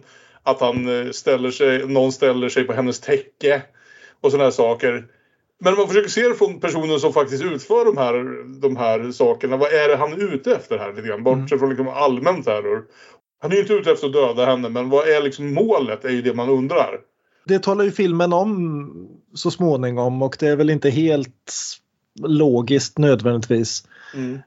Den är inte lika tydlig som We begin with the rain of terror. alltså. Nej, det är den absolut inte. Nej, men den manliga huvudpersonen då, den osynliga mannen, är, är, är van att eh, få allting som han vill ha när han vill ha det och han kan inte acceptera att han inte kan få henne eh, så som han vill ha henne och eh, då, då ska ingen annan få henne heller. Det är väl någonting sånt. Och hon ska ta sig ifrån allting som hon tycker om. Men, men frågan är varför han behöver bli osäker. För liksom, som, som du sa också Olof, en av styrkorna i det här liksom, perspektivflippen de har gjort här. Mm. Det är ju liksom verkligen lyfta fram honom. Som rik vit man så är han osynlig. Ja, Han kan jo, göra vad fan han vill egentligen. det har rätt i. Det är lite, varför det är lite hela det här faktiskt. spelet med att göra Ja. sig osynlig? Varför inte bara tussa sina advokater på henne? Men vi ska också säga det att Mm. Twisten i filmen, alltså det är en dubbel, typisk dubbeltwist-film, men vi kommer ju prata om hela filmen här såklart så det är lika bra att ta upp det. Är Ja. ju att filmen aldrig säger uträtt att det är han som är den osynliga mannen, utan Nej. att det är hans bror. Sant. Det är bara som vi antar, ja. Det bekräftar aldrig filmen. Vilket jag älskar med slutet på den här filmen, vi kommer dit. Men, men Ja. just det här att om vi säger att det i alla fall ibland är brorsan. Så är det två i- osynliga män i så fall, ja. Det, det är också en av filmens svagheter tycker jag att Cecilia tvivlar aldrig på det här. Hon är övertygad från första början. Vi får aldrig det här ögonblicket, är jag galen? Nej. Utan direkt från början hon, öv- hon är precis lika övertygad som de här bönderna i Iping att Well, he's invisible, that's what's wrong with him. Och när hon då försöker dra det här för hans bror så svarar han då att No, I agree with you. Adrian was brilliant. But it wasn't because of anything he invented, it was how he got in people's heads. That was his true genius, knowing people's weaknesses. You think about it. He came up with the perfect way to torture you, even in death. Only thing more brilliant than inventing something that makes you invisible is not inventing it, but making you think he did. han försöker ju driva henne galen. Och hon får aldrig ett ögonblick där hon faktiskt börjar tvivla på det utan hon är så säker på sin sak från första början. Mm. Den etablerar väl inte så mycket foreshadowing eller så, vad det är han faktiskt har forskat på och om hon har vetat om det. Nej. Så det är ju kanske lite konstigt. Hon agerar ju som att hon har vetat eh, om det här hela forskningsprojektet lite grann. Det är sant. Och han är ju någon sån här sp- specialist på optik Optik. får vi, får vi veta så småningom. Men är det först det är först en ganska bra bit in i filmen vi får veta det kanske. Mm.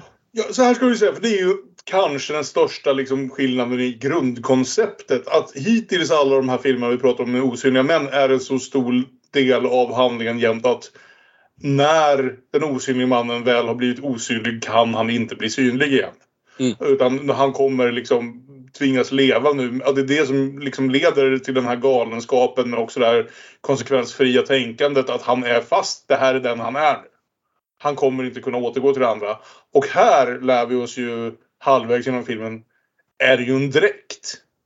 Som liksom är framtagen gissningsvis för liksom militära syften eller annat. Något som han kan gå in och ut ur precis som han vill. Vilket ju helt förändrar liksom den psykologiska historien och grundhistorien liksom ganska markant.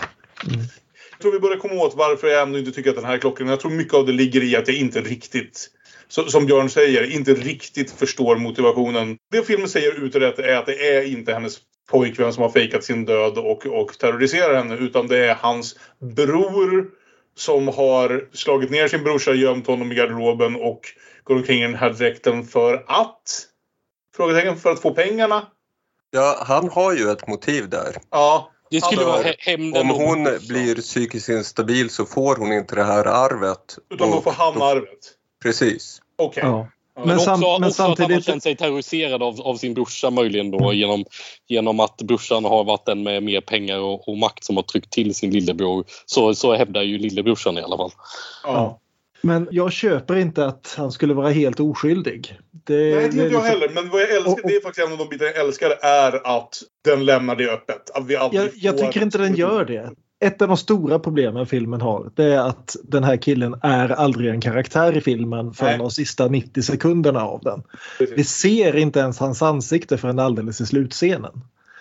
Det etableras inte att han som person, han som synlig människa är så farlig. Och problemet med det blir att samtidigt så säger hela filmen att det är han som gör det. Att han möjligen har liksom trakasserat sin bror till att göra det ibland. Mm. Men filmen funkar inte ifall det är brorsan hela tiden. Nej. I så fall så är vår huvudperson bara en galning. Eftersom vi inte vet vem den här människan är. Vi får aldrig lära känna Han pratar aldrig när han är osynlig. Vi får inte det här liksom Claude Rainska mahahaha-spelet. Nej, precis. Vi får aldrig en motivering, vi får aldrig en sån här galen monolog, vi får aldrig en massa liksom one-liners eller någonting. Han är bara ett spöke rakt igenom tills vi plötsligt förväntas se honom som ett hot i slutet av filmen. Och jag tycker inte det funkar. Nej, Han fungerar väldigt, väldigt bra liksom, som ett metaforiskt hot. exakt. Men inte som ett Mm. personligt hot. Nej, det stämmer nog att han är mer av ett eh, metaforiskt hot, ja, att han är patriarkatet. Ja, och så tänker jag nog på det mycket. Som sagt, det finns en del fantastiska scener. Restaurangscenen Alltså- till exempel. Eh, Alltså det finns ett par av de bästa Ja. jump scaresen jag har sett på film på länge. Just för att de känns både emotionellt och liksom bokstavligt talat man hoppar till. Vi får ju ändå chansen att, att bygga upp en väldigt nära relation med, med Si. Alltså, Mm. man kommer ju nära henne. Eh, Så det som händer där på restaurangen är ju... Det är väldigt snyggt uppbyggt och väldigt obehagligt. Ja, Ja, dels för att filmen ju fram till den punkten har byggt upp en väldigt traditionell skräckfilmsbalans eh, av att det finns tydliga filmer i dagsljus när vi inte förväntar oss att bli skrämda. Utan först är det typ en lång sekvens då hon blir terroriserad av något i huset hon går omkring och smyger och det händer något läskigt. Och sen är det ett par scener i dagsljus när hon diskuterar det här med folk. Eh, och liksom, då kommer det inte vara läskigt utan det kommer vara de som diskuterar. Är du knäpp eller vad är det som händer eller sådär. Den här scenen då hon sätter sig ner för att äta middag med sin syster som, som, som inte vill ha något med honom att göra eftersom den osynliga mannen har loggat in på Cecilias e-mail och skickat ett, ett jävligt elakt mail till, till syrran. Så det är- Återigen, det behöver han inte vara osynlig för att göra. Nej. Men eftersom han har fejkat sin död så tror hon såklart inte att det är han som har gjort det. Det kanske hon hade trott om hon inte trodde att han var död. Det är det att den här scenen känns som en av de här mellanscenerna. En av de här scenerna där vi inte väntar oss något av den osynlige mannens fuffens. Och rätt vad det är så flyger liksom en kniv upp från bordet och skär halsen av syrran. I precis i en scen som annars inte känns som liksom en av skräckscenerna. Och det är så, det är så jävla bra. Det är så fenomenalt effektivt. Det är en sån stark plötslig vändning. Eh, Erik, några tankar om, om vad tyckte du funkade? Liksom, är, det, är det framförallt skräckfilmsbiten eller man ska säga? Liksom, spänningen i den som funkar? Eller är det mer liksom att du blir berörd av handlingen? Eller, eftersom du verkar vara ganska förtjust ändå. Va? Jo, nej, men det, det finns ju vissa scener som funkar väldigt bra rent suspens eller skräckmässigt. Och så är Elisabeth Moss eh, väldigt bra. Det är väl det som typ fungerar i filmen, eh, tycker jag. Som sagt, vissa grejer är väldigt effektivt i att den inte säger mer än man behöver och i vissa fall så kanske den säger lite för lite än vad den kanske behöver för vad den gör. Jag, jag, jag är lite också med på Björns spår att den kanske skulle tjäna på att försöka spela mer i att vem är det egentligen som är, är skurk? För det är, även om den slänger in, in det kortet lite så gör de det lite på slutet. Och sen ändå, jag vet inte, jag tycker slutscenen ändå säger ganska tydligt vad, vad, vem som är skurken då i det hela. Men Kalle verkar ju vara lite inne på att Cecilia är galen och mördar en oskyldig man på slutet. Jag tycker att det är något i obalansen i berättelsen som gör att jag tror att vi skulle kunna ha en film där det är en möjlighet, där det känns mer som en möjlighet. Jag håller med nu, nu när jag tänker lite igenom och lyssnar på det Björn säger. Att eh, den balansen finns inte riktigt där. Om det, den kommer väldigt nära till att vara en film där det skulle kunna bli en riktigt effektiv slut. Och jag älskar fortfarande den slut, det som slutscen. Att filmen slutar med att trots att han utifrån polisens och omvärldens synvinkel så är hennes psycho boyfriend faktiskt oskyldig till det här utan det var hans brorsa som gjorde allting. Men hon mördar honom ändå. För hon eh, tror fortfarande att han är skyldig och hon tänker inte leva under hans, hans reign of terror längre. Jag känner att det är ändå ett starkt slut men det hade kunnat vara ett alldeles utmärkt slut om den här vad ska jag säga, tvetydigheten kring vem den osynliga eh, mannen egentligen är hade varit lite mer liksom osäker. Om det inte liksom 95% av filmen hade sagt hela tiden det är han, det är han, det är han. Ah, fan, det, det hade varit ett helvetes jävla slut faktiskt. Ja. Eh, jag, jag, jag gillar slutet ändå.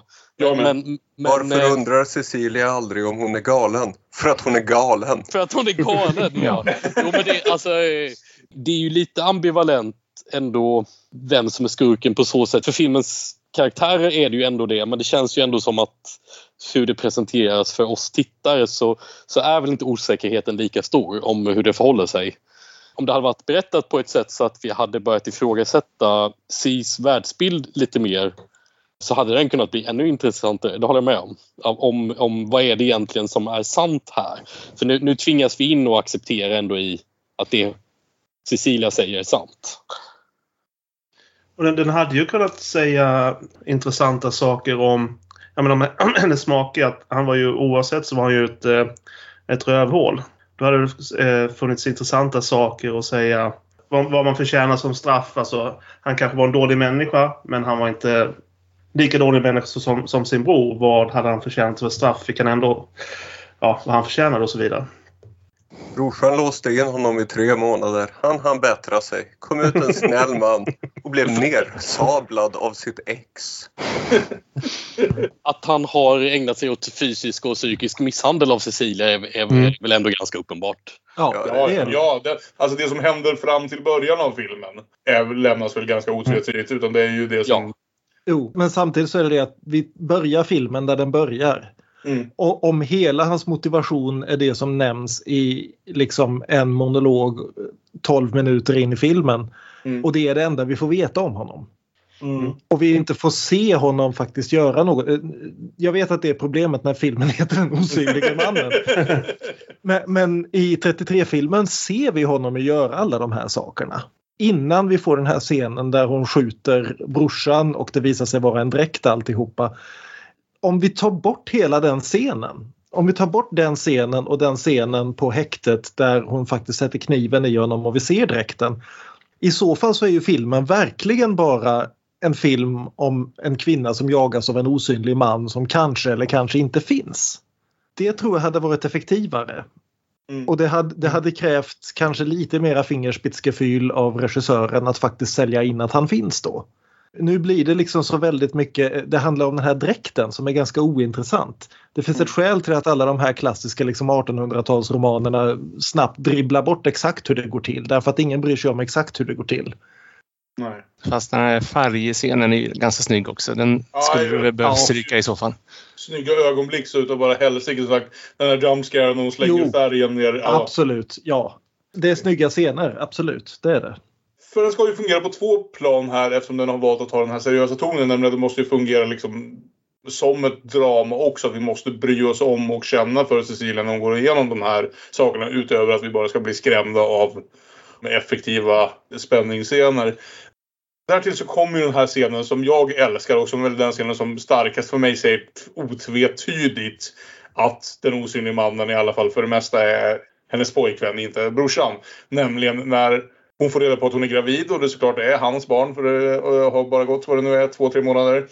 Och den osynliga mannen då också såklart befinner sig i rummet, får reda på att hon är gravid med hans barn. Och hon försöker ta livet av sig i duschen för att locka fram honom. Där blir det så förbannat starkt att helt plötsligt bryr han sig mer om hennes liv och om barnets liv än vad hon själv gör vid det här laget för att ha drivit henne till den punkten. För vi ska säga det att efter att hennes syster blir mördad blir såklart hon anklagad för det och åker in på psyket. När hon börjar skrika om att det är en osynlig man i en dräkt som gör det. Försöket till självmordsscen som där han liksom helt plötsligt måste byta roll och, och är den som, som stoppar det. Så helt plötsligt har hon något som han kan förlora.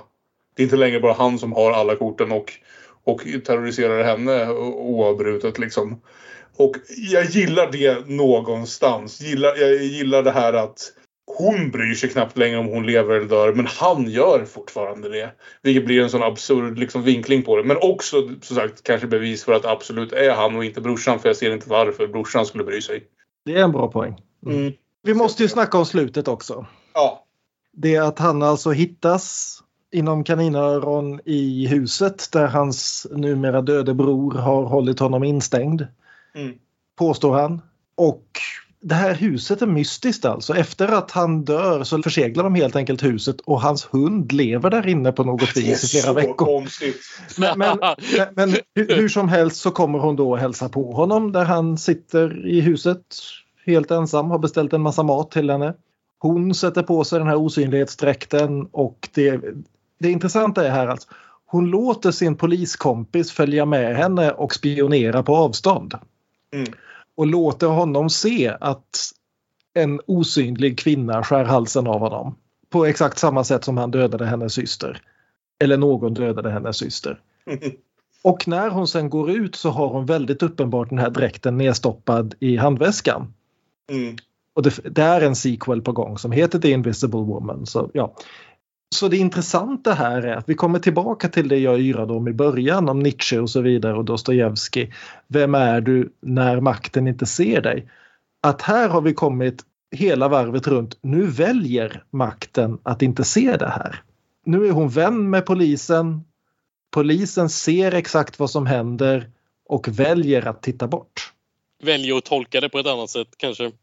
Fast han ser dräkten. Det är det som är Mm. grejen. För hon gör ju verkligen en, en scen av det att hon fejkar det så att det ska kunna verka på den här inspelningen. Hon Ja, och det att är han ju- spelar ja. in det för att det ska märkas att hon inte är i rummet. Mm. Och så vidare. Att hon försöker låta verka som att hon hittar honom och är alldeles chockad över allting och gråter och ringer ambulans och så vidare. Va? Men vi vet ju vad som händer. Det är inte som att vi ser henne ta på sig dräkten men det här är det ju liksom ofrånkomligt precis vad som hände. Alltså jag gillar det bara för att att hon är så, liksom, så färdig. Hon har ingen lust längre att ens liksom hålla på och tjafsa om det här. Hon ser chansen att döda den här jäveln oavsett om det är för att han har varit en osynlig man som terroriserat henne eller om det bara är för all skit han utsatte henne för under förhållandet. Och hon tänker inte längre ta, ta det här. Hon tänker inte ens riskera att han tillåts fortsätta med någon jävelskap. Utan hon ser sin chans att bli av med honom och hon tar den. Och I like it. Jag hänger inte riktigt med på varför poliskompisen faktiskt behöver vara där men i den scenen egentligen. Men Det, det är ju så, som ett vittne till att han skär halsen av sig själv. Fast det finns kameror överallt. Så det finns ju kameror. Ja, det, det de försöker göra är väl att de försöker göra någon, han ska erkänna på, på en inspelning. Det är väl det de Mm. lite försöker göra så skiter Det är nog det. tanken först Kanske. ja, i alla fall. Ja. Det är i alla fall det polisen tror att hon försöker få honom att göra. Jag tror att hon aldrig har någon annan plan än den, den hon utför. Nej, det är sant. Mm. Ja, nej, det är lite, lite samma sak här. Det är lite lätt förvirrat precis vad som är syftet med, med allt vad, vad karaktärerna gör här. Det blir lite tvetydigt, inte på ett intressant sätt utan på ett förvirrande sätt. Jag kan hålla med om det. Som sagt, jag vet inte heller riktigt varför det var nödvändigt för henne eftersom varför han skulle vara med. Men återigen, som Björn påpekar, det kanske är mer intressant på, på det tematiska planet. Ja, Ja, liksom allt det här eh, som vi har klagat på, det kan man ju gott skita i. Det är en samling prima scener med Elisabeth Moss. ja, det är lite, Ja, det, jag, det, är lite det jag tycker. Absolut. Ja, det var vad jag kände här vid omtiteln mer än första gången satt jag och störde mig på grejer. Nej, det kan man bara skita i. Nej, det, det enda då som nu efter vår diskussion som jag känner att jag eh, verkligen kan sakna är väl det här att ja, men tänk om det hade varit lite mer osäkert ifall, ifall Cecilia är galen eller inte. Det är en väldigt intressant tanke som är svår att släppa. Mm. Men, Ja, fast men, vi kör ju också det här eh, feministkortet på ett ganska tillfredsställande sätt. ja, Det kan väl bara få vara tillfredsställande. Att tro på kvinnors historier och att inte anklaga dem för att vara galna varje gång de kommer med anklagelser mot Ja. männen. Mm. Men tänk om! Hon Ja. kanske är lite cray cray. Ja. för nu, nu kör den ju det här feministtolkningen på, ändå på ett väldigt bra sätt som sagt tycker jag och, och det, jag tycker att slutet också är väl i linje med det. Det kanske hade varit svårare att göra det om man hade ifrågasatt hennes eh, om hon är sane eller inte. Mm. Jag kan säga så här på ett bredare plan att jag är väldigt nöjd med just den här totala omtolkningen av liksom som sagt på pappret en remake av Den osynliga mannen eller en eh, ny filmatisering av boken om man så vill. Men det är ju i stort sett bara konceptet som, som är detsamma. Och att jag är väldigt nöjd med att det äntligen gjordes en osynlig man film som inte berättades från den osynliga mannens perspektiv. Men jag är lite mindre nöjd med en del av de här andra sakerna. Inte minst just att jag tycker man förlorar något grundläggande i historien när man gör det till en direkt. Att så mycket av poängen med just grundhistorien och, och de här berättelserna är att det inte bara är en superkraft utan det är en förbannelse. Att aldrig mer kunna synas liksom. Mm. Alltså jag gillar verkligen upplägget den nya filmen gör och just det är någonting som den hade kunnat göra mer med tycker jag. Just det här att i originalfilmen och i boken så är ju Griffins stora trauma det här att han, han gjorde sig osynlig och sen upptäckte han att det kanske var inte en bra idé. Och det som driver honom genom första halvan av berättelsen är just det att han måste försöka komma tillbaka. Han måste försöka bli synlig igen. Medan däremot i den nya filmen så är det en dräkt som han kan ta på och sätta av precis som han känner för det. Mm. Jag gillar idén men jag vet inte om filmen riktigt fattar hur det förändrar historien. Men, eller fattar och fattar, men, men det, det känns som att det hade kunnat göras någonting mer med det. Men samtidigt just den här flippen tycker jag fast väldigt välgjord. Just det här att vi går från en osynlig maktfullkomlig människa i ett normalt samhälle till ett samhälle där makten alltid verkar osynlig på så vis att alla vet att den finns där men ingen låtsas om den. Mm. I 33-filmen så blir det mer en tendens av att oh vilka tokroliga grejer han gör. Tyngden finns där någonstans men det är inte just det här du drabbas inte på samma sätt av det här traumat människan som har gjort sig själv till gud och nu inte vet hur han ska hantera det. Därför att filmens Griffin är alldeles för förtjust i det. Han påstår att han vill bli förvandlad tillbaka men i själva verket så verkar han ha rätt kul. Ja.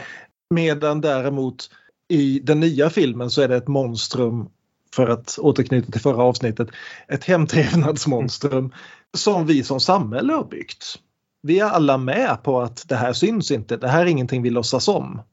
Det är liksom obekvämheten när hennes syster och hennes eh, kompis då frågar Slog han dig, menar du det? Ja, det är klart han gjorde. Jaha, um, ja. Vi är alla så Eh. jävla rädda för dålig stämning. Exakt. Ja. Mm. Jag kan inbilla mig att det finns kvinnliga manusförfattare och regissörer som hade drivit det här lite, lite längre. Jag tänkte den tanken. Och, och gjort lite, lite mer just runt den här graviditetsgrejen och lite annat och liksom vågat gräva lite mer av de där sakerna och vågat göra det ännu lite obekvämare. För som det är så har den en tendens att använda det som ett underlag för i och för sig väldigt bra spänningssekvenser. Mm. Men ändå, just den där riktigt dåliga stämningen hade kunnat byggas mer. Men sagt, jag gillar filmen. Jag tycker inte den är perfekt men jag tycker den gör det, det den gör, det gör den bra. Har vi några fler sista ord om Den osynliga mannen från 2020? Eh, Erik? Jag tycker att den är lite för lång också kanske. Har kanske lite för många olika set pieces till slut. Kanske ungefär 28 minuter för lång på två timmar, fyra minuter. Kanske exakt till och med. Kanske skulle kunna vara lite tajtare. Fredrik Adolfsson? Ja, jag kan väl stämma in i, i eh, om inte annat stämma in i, i vad Erik sa. Att eh, det hade nog funnits utrymme att klippa ner den och, och, och tajta till den en, en bit också. Om man nu inte hade fyllt ut tiden med, med mer av de här grejerna som, som ni har pratat om nu. Eh, Mm. Tiden hade varit mer motiverad om det hade funnits lite mer liksom, ja, men tyngd, lite mer av det här bra karaktärsarbetet. Men Ja. vill man hålla den som den är så hade den behövt vara liksom, lite kortare. Det, Jag är inte det- säker på att vi behöver karaktären av den unga tjejen som hon bryr sig om. Alltså, för vi har inte ens nämnt henne knappt i den här Nej. diskussionen, vilket säger något om det. Det enda som är värt att nämna med henne det är ju att hon som alla eh, bra skräckfilmshjältinnor heter Sydney. Men det, i princip det enda hon gör är att vara något för Cecilia att försöka beskydda. Precis. Mm. Jag gillar verkligen stämningen i scenen där den osynliga mannen slår flickan så att hon själv tror att det är vad heter Cecilia som gör det. Mm. Återigen, dålig stämning direkt.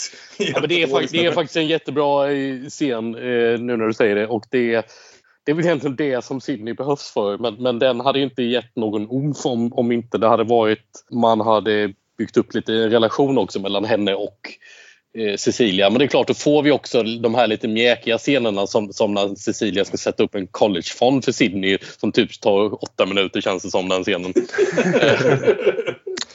som jag sa tidigare så, så gillar jag ju, ju karaktärerna eh, överlag och, hur, och liksom deras, eh, deras relationer och hur de fungerar tillsammans. Och det gäller absolut liksom, vad var det Sydney hon hette? Och hennes, hennes pappa och, och även systern. Men det hade kunnat absolut göras mer med dem också. Även om jag gillar de här delarna så tynger de kanske ner lite att det finns en, det, finns en bättre film där inne någonstans och en bättre film kanske inte hade haft vissa av de här kar- karaktärerna. Sen får ju Sydney en fin scen också på slutet när Osynlige mannen ska ge sig på henne och hon är ensam i sitt rum men anar oråd och bara kör sin pepparspray rätt ut i luften fast hon inte ser något och träffar den osynliga mannen. Vilket också är någon slags systerskapet, vi tror på varann. Fin slutpunkt! Systerskapet, hej och. Mm. Ja, En fundering. Hade- Hade det filmen funkat, det hade nog inte spelat så stor roll, men hade det funkat snäppet bättre om den här scenen med eh, Sydney och när de, när de blir slagen, att om det hade skett tidigare innan de här... det är det första som händer om hon helt plötsligt bara slår henne. Jag, jag tänker nästan att det skulle kunna ha varit effektivt också. Om det är Ja. första verkliga ögonblicket av, av åh herregud nu börjar det hända något skit här. Det är en intressant tanke. Kanske, Ja. jag vet inte. Mm. Ja, hörni, har vi stött och blött dessa osynliga män länge nog? Då går vi in i det vi kallar fortfarande, va? bestämde vi oss för, jag kommer knappt ihåg längre, för Gissa den tredje. Gissa den tredje. segmentet där vi går varvet runt och alla får rekommendera någonting som de tycker om. Oavsett det är en film, det är väl oftast en film. Men eh, det kan även vara tv, böcker, något annat. Som eh, de på något sätt lyckas koppla till dessa osynliga män. Kanske en annan version eller någonting sånt. Vi börjar väl hos gästerna, så Erik vill du vara först upp. Ja, jag kan vara först upp. Jag har suttit och funderat lite, men jag föreslår ändå tv-serien The Outsider från Stephen King-förlagen. Det är kanske inte den mest perfekta kopplingen till dessa filmer, men det är en tv-serie jag tycker är bra och som har eh, lite de här... Eh, det är inte en osynlig man, men istället en men någon som jag kanske kan vara på flera ställen eller som är, man inte riktigt vet vad det är för någonting. En koppling på det sättet, tänker jag. Det rekommenderas. Ja, jag hade missat den här. Ypperlig cast måste jag säga när jag tittar på den. Ben Mendelsohn, Bill Camp, eh, Paddy Considine. Eh, det här såg intressant ut. Stephen King, skriven av Stephen King och Richard Price. Också låter bra. Tack för det tipset. Den här hade jag helt missat. Är det en miniserie eller är det något som kommer fortsätta? Det är väl ändå en fullängdssäsong, men det kommer inte fler säsonger. Tio avsnitt ser det som. Ja men toppen tips. Den, för den hade jag dessutom helt missat i överflöden av tv-serier som dyker upp på olika streamingtjänster nu för tiden. Fredrik Adolfsson. Ja, jag landade i att tipsa en, om en, en bok. En kortroman. Som heter All My Friends Are Superheroes. Eh, mm. Eh, eller Alla mina vänner är superhjältar på svenska. Eh, av Andrew Kaufman. En eh, kortroman om en eh, man, en helt vanlig man utan några som helst superkrafter som, eh, som gifter sig med en, med en superhjälte. På bröllopet, eller om det är bröllopsfesten, det minns jag inte riktigt, eh, så blir hon hypnotiserad av eh, en av de andra gästerna. Att tro att hennes eh, nya make är osynlig. Det är kopplingen till, till, till filmerna. Och eh, romanen går liksom ut på att, eh, eller att det är osynligt att han inte liksom varken syns eller hörs. Så alla andra vet om att han existerar, alla andra ser honom, men hon kan varken se eller höra honom. Boken handlar väl ungefär om att eh, han försöker få kontakt med henne igen samtidigt som han går igenom alla olika typer av superhjältar och deras krafter i bekantskapskretsen som han, som han känner till. Det är ingen djup roman. Eh, men det är en väldigt, väldigt underhållande eh, kort roman som, som jag är väldigt förtjust i. Jättebra. Ja, och så oss ordinarie. Ska vi börja hos Olof?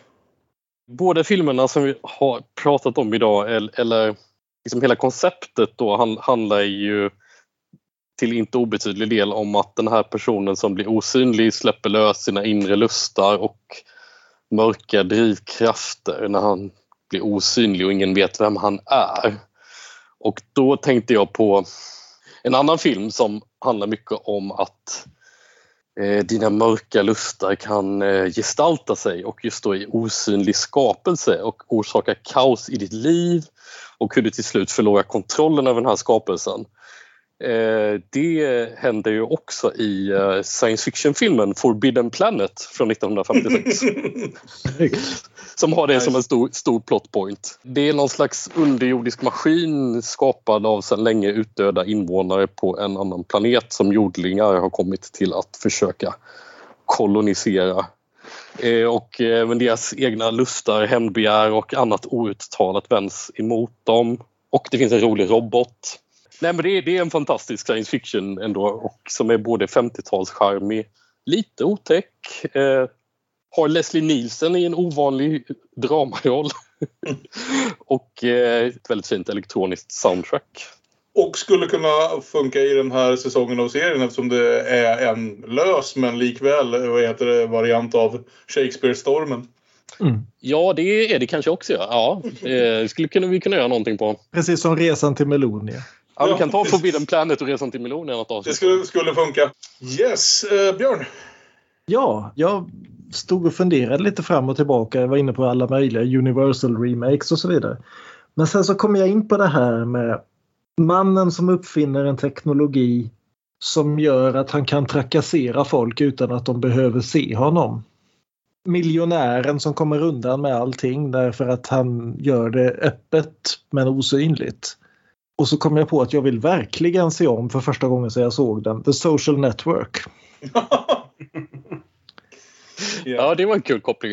inte minst därför att, jag ska inte säga att det stör mig, men jag tycker det är signifikant att bägge de här två filmerna väljer väldigt mycket ett slut som spelar in i lite grann det här tröstande för publiken för, för sin tid.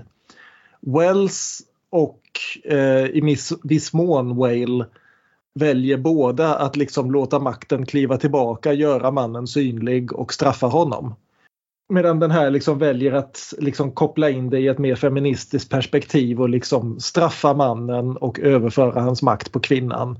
Visst, vackert så. Men jag gillar någonstans att hur mycket de än försöker sälja in att åh, stackars honom, han har sålt sin själ. Så sitter vi här liksom 20 år senare och vem är det som faktiskt vann? Vem är den galne vetenskapsmannen som faktiskt styr jorden just nu? Ja, det är den osynliga mannen. Det är lite kul. Jag kommer ihåg all diskussion kring när Social Network kom och eh, vi inte visste allt det vi vet idag. När folk var så här. Är David Fincher lite för elak mot starkast Mark Zuckerberg? Förtjänar han verkligen att målas ut som en sån här sociopat? Och nu sitter man med, japp. Det var inte, om något inte hårt nog. Aron. Det enda jag pratar om nu för tiden. Kanye West-dokumentären. Genius.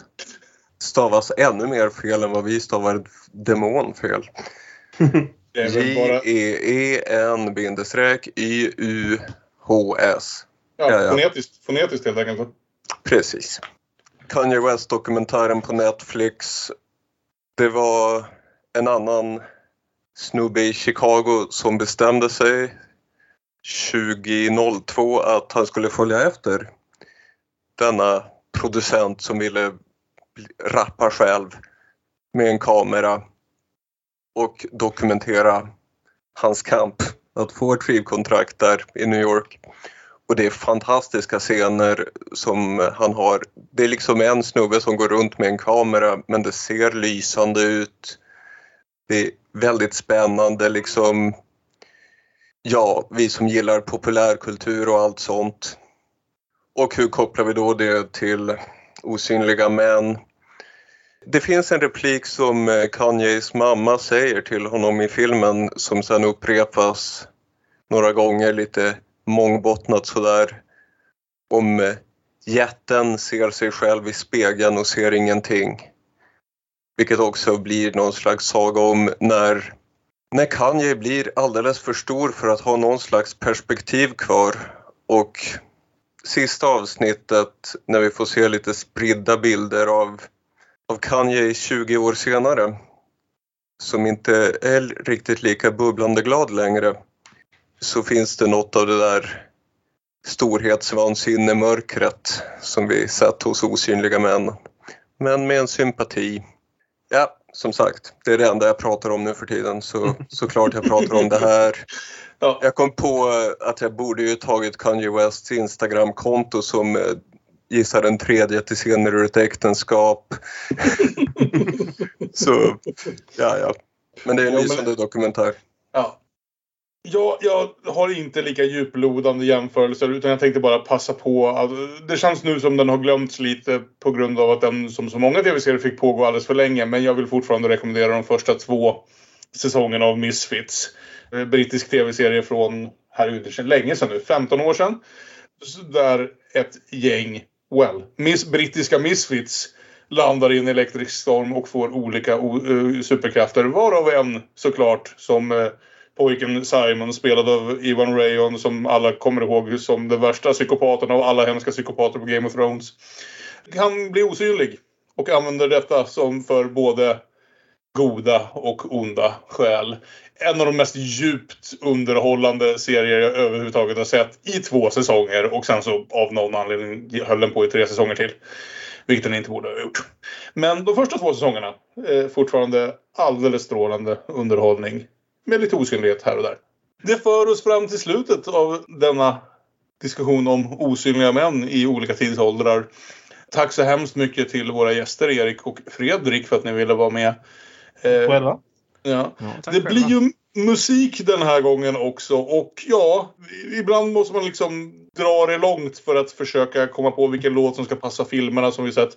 Men ibland finns det också bara en 80-tals pophit som låg på, på topplistor runt om i hela världen som hette exakt samma sak som filmen. Så vi gör Queens The Invisible Man och vi ska försöka göra om den så mycket att jag inte behöver göra en sånginsats som ska jämföras med Freddie Mercury för Precis. jag, jag vet mina brister.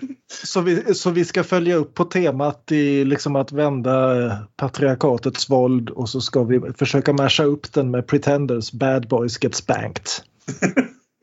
Det kommer nog bli toppen. Eh, ja, nästa gång så börjar det faktiskt närma sig Oscarsgalan igen. Och av de tio filmer nominerade till bästa film är inte mindre än tre av dem sådana som skulle kunna passa in i den här säsongen om remakes eller omtolkningar på olika sätt och vis. Vi kommer inte prata om Dune, vi kommer inte prata om West Side Story, men vi kommer prata om Nightmare Alley. Både den första varianten, eller första filmatiseringen av boken ska vi säga, från 1947. Också nu då Guillermo del Toros nya Nightmare Alley som jag tror fortfarande går att se på bio om ni har en VPN går den att se på HBO Max. Så det är nästa avsnitt. Aron kommer få ut sina film noir-jajas mer än kanske någonsin tidigare. Fuck yeah! Och eh, i, i och för sig, Kalle, så är även eh, Coda en remake. Jaså? Ja. Vad fan? Ja, då, ja. Verkar ju vara en säsong i rätt tid. ja, definitivt. Ja, remakes är ju onekligen någonting som vi håller på med en del nu för tiden i filmvärlden. Ni kan nå oss via de sociala medierna. Vi är at Damonpodden på Twitter och Instagram. Vi är Damonpodden med Ä på Facebook. Och man kan mejla om man skulle vilja det. Damonpodden at gmail.com. Tack så mycket för att ni ville vara med och lyssna. Vi hörs igen snart. Hej då! Hej då. Hej då! Hej då! Hej hej! Bye bye!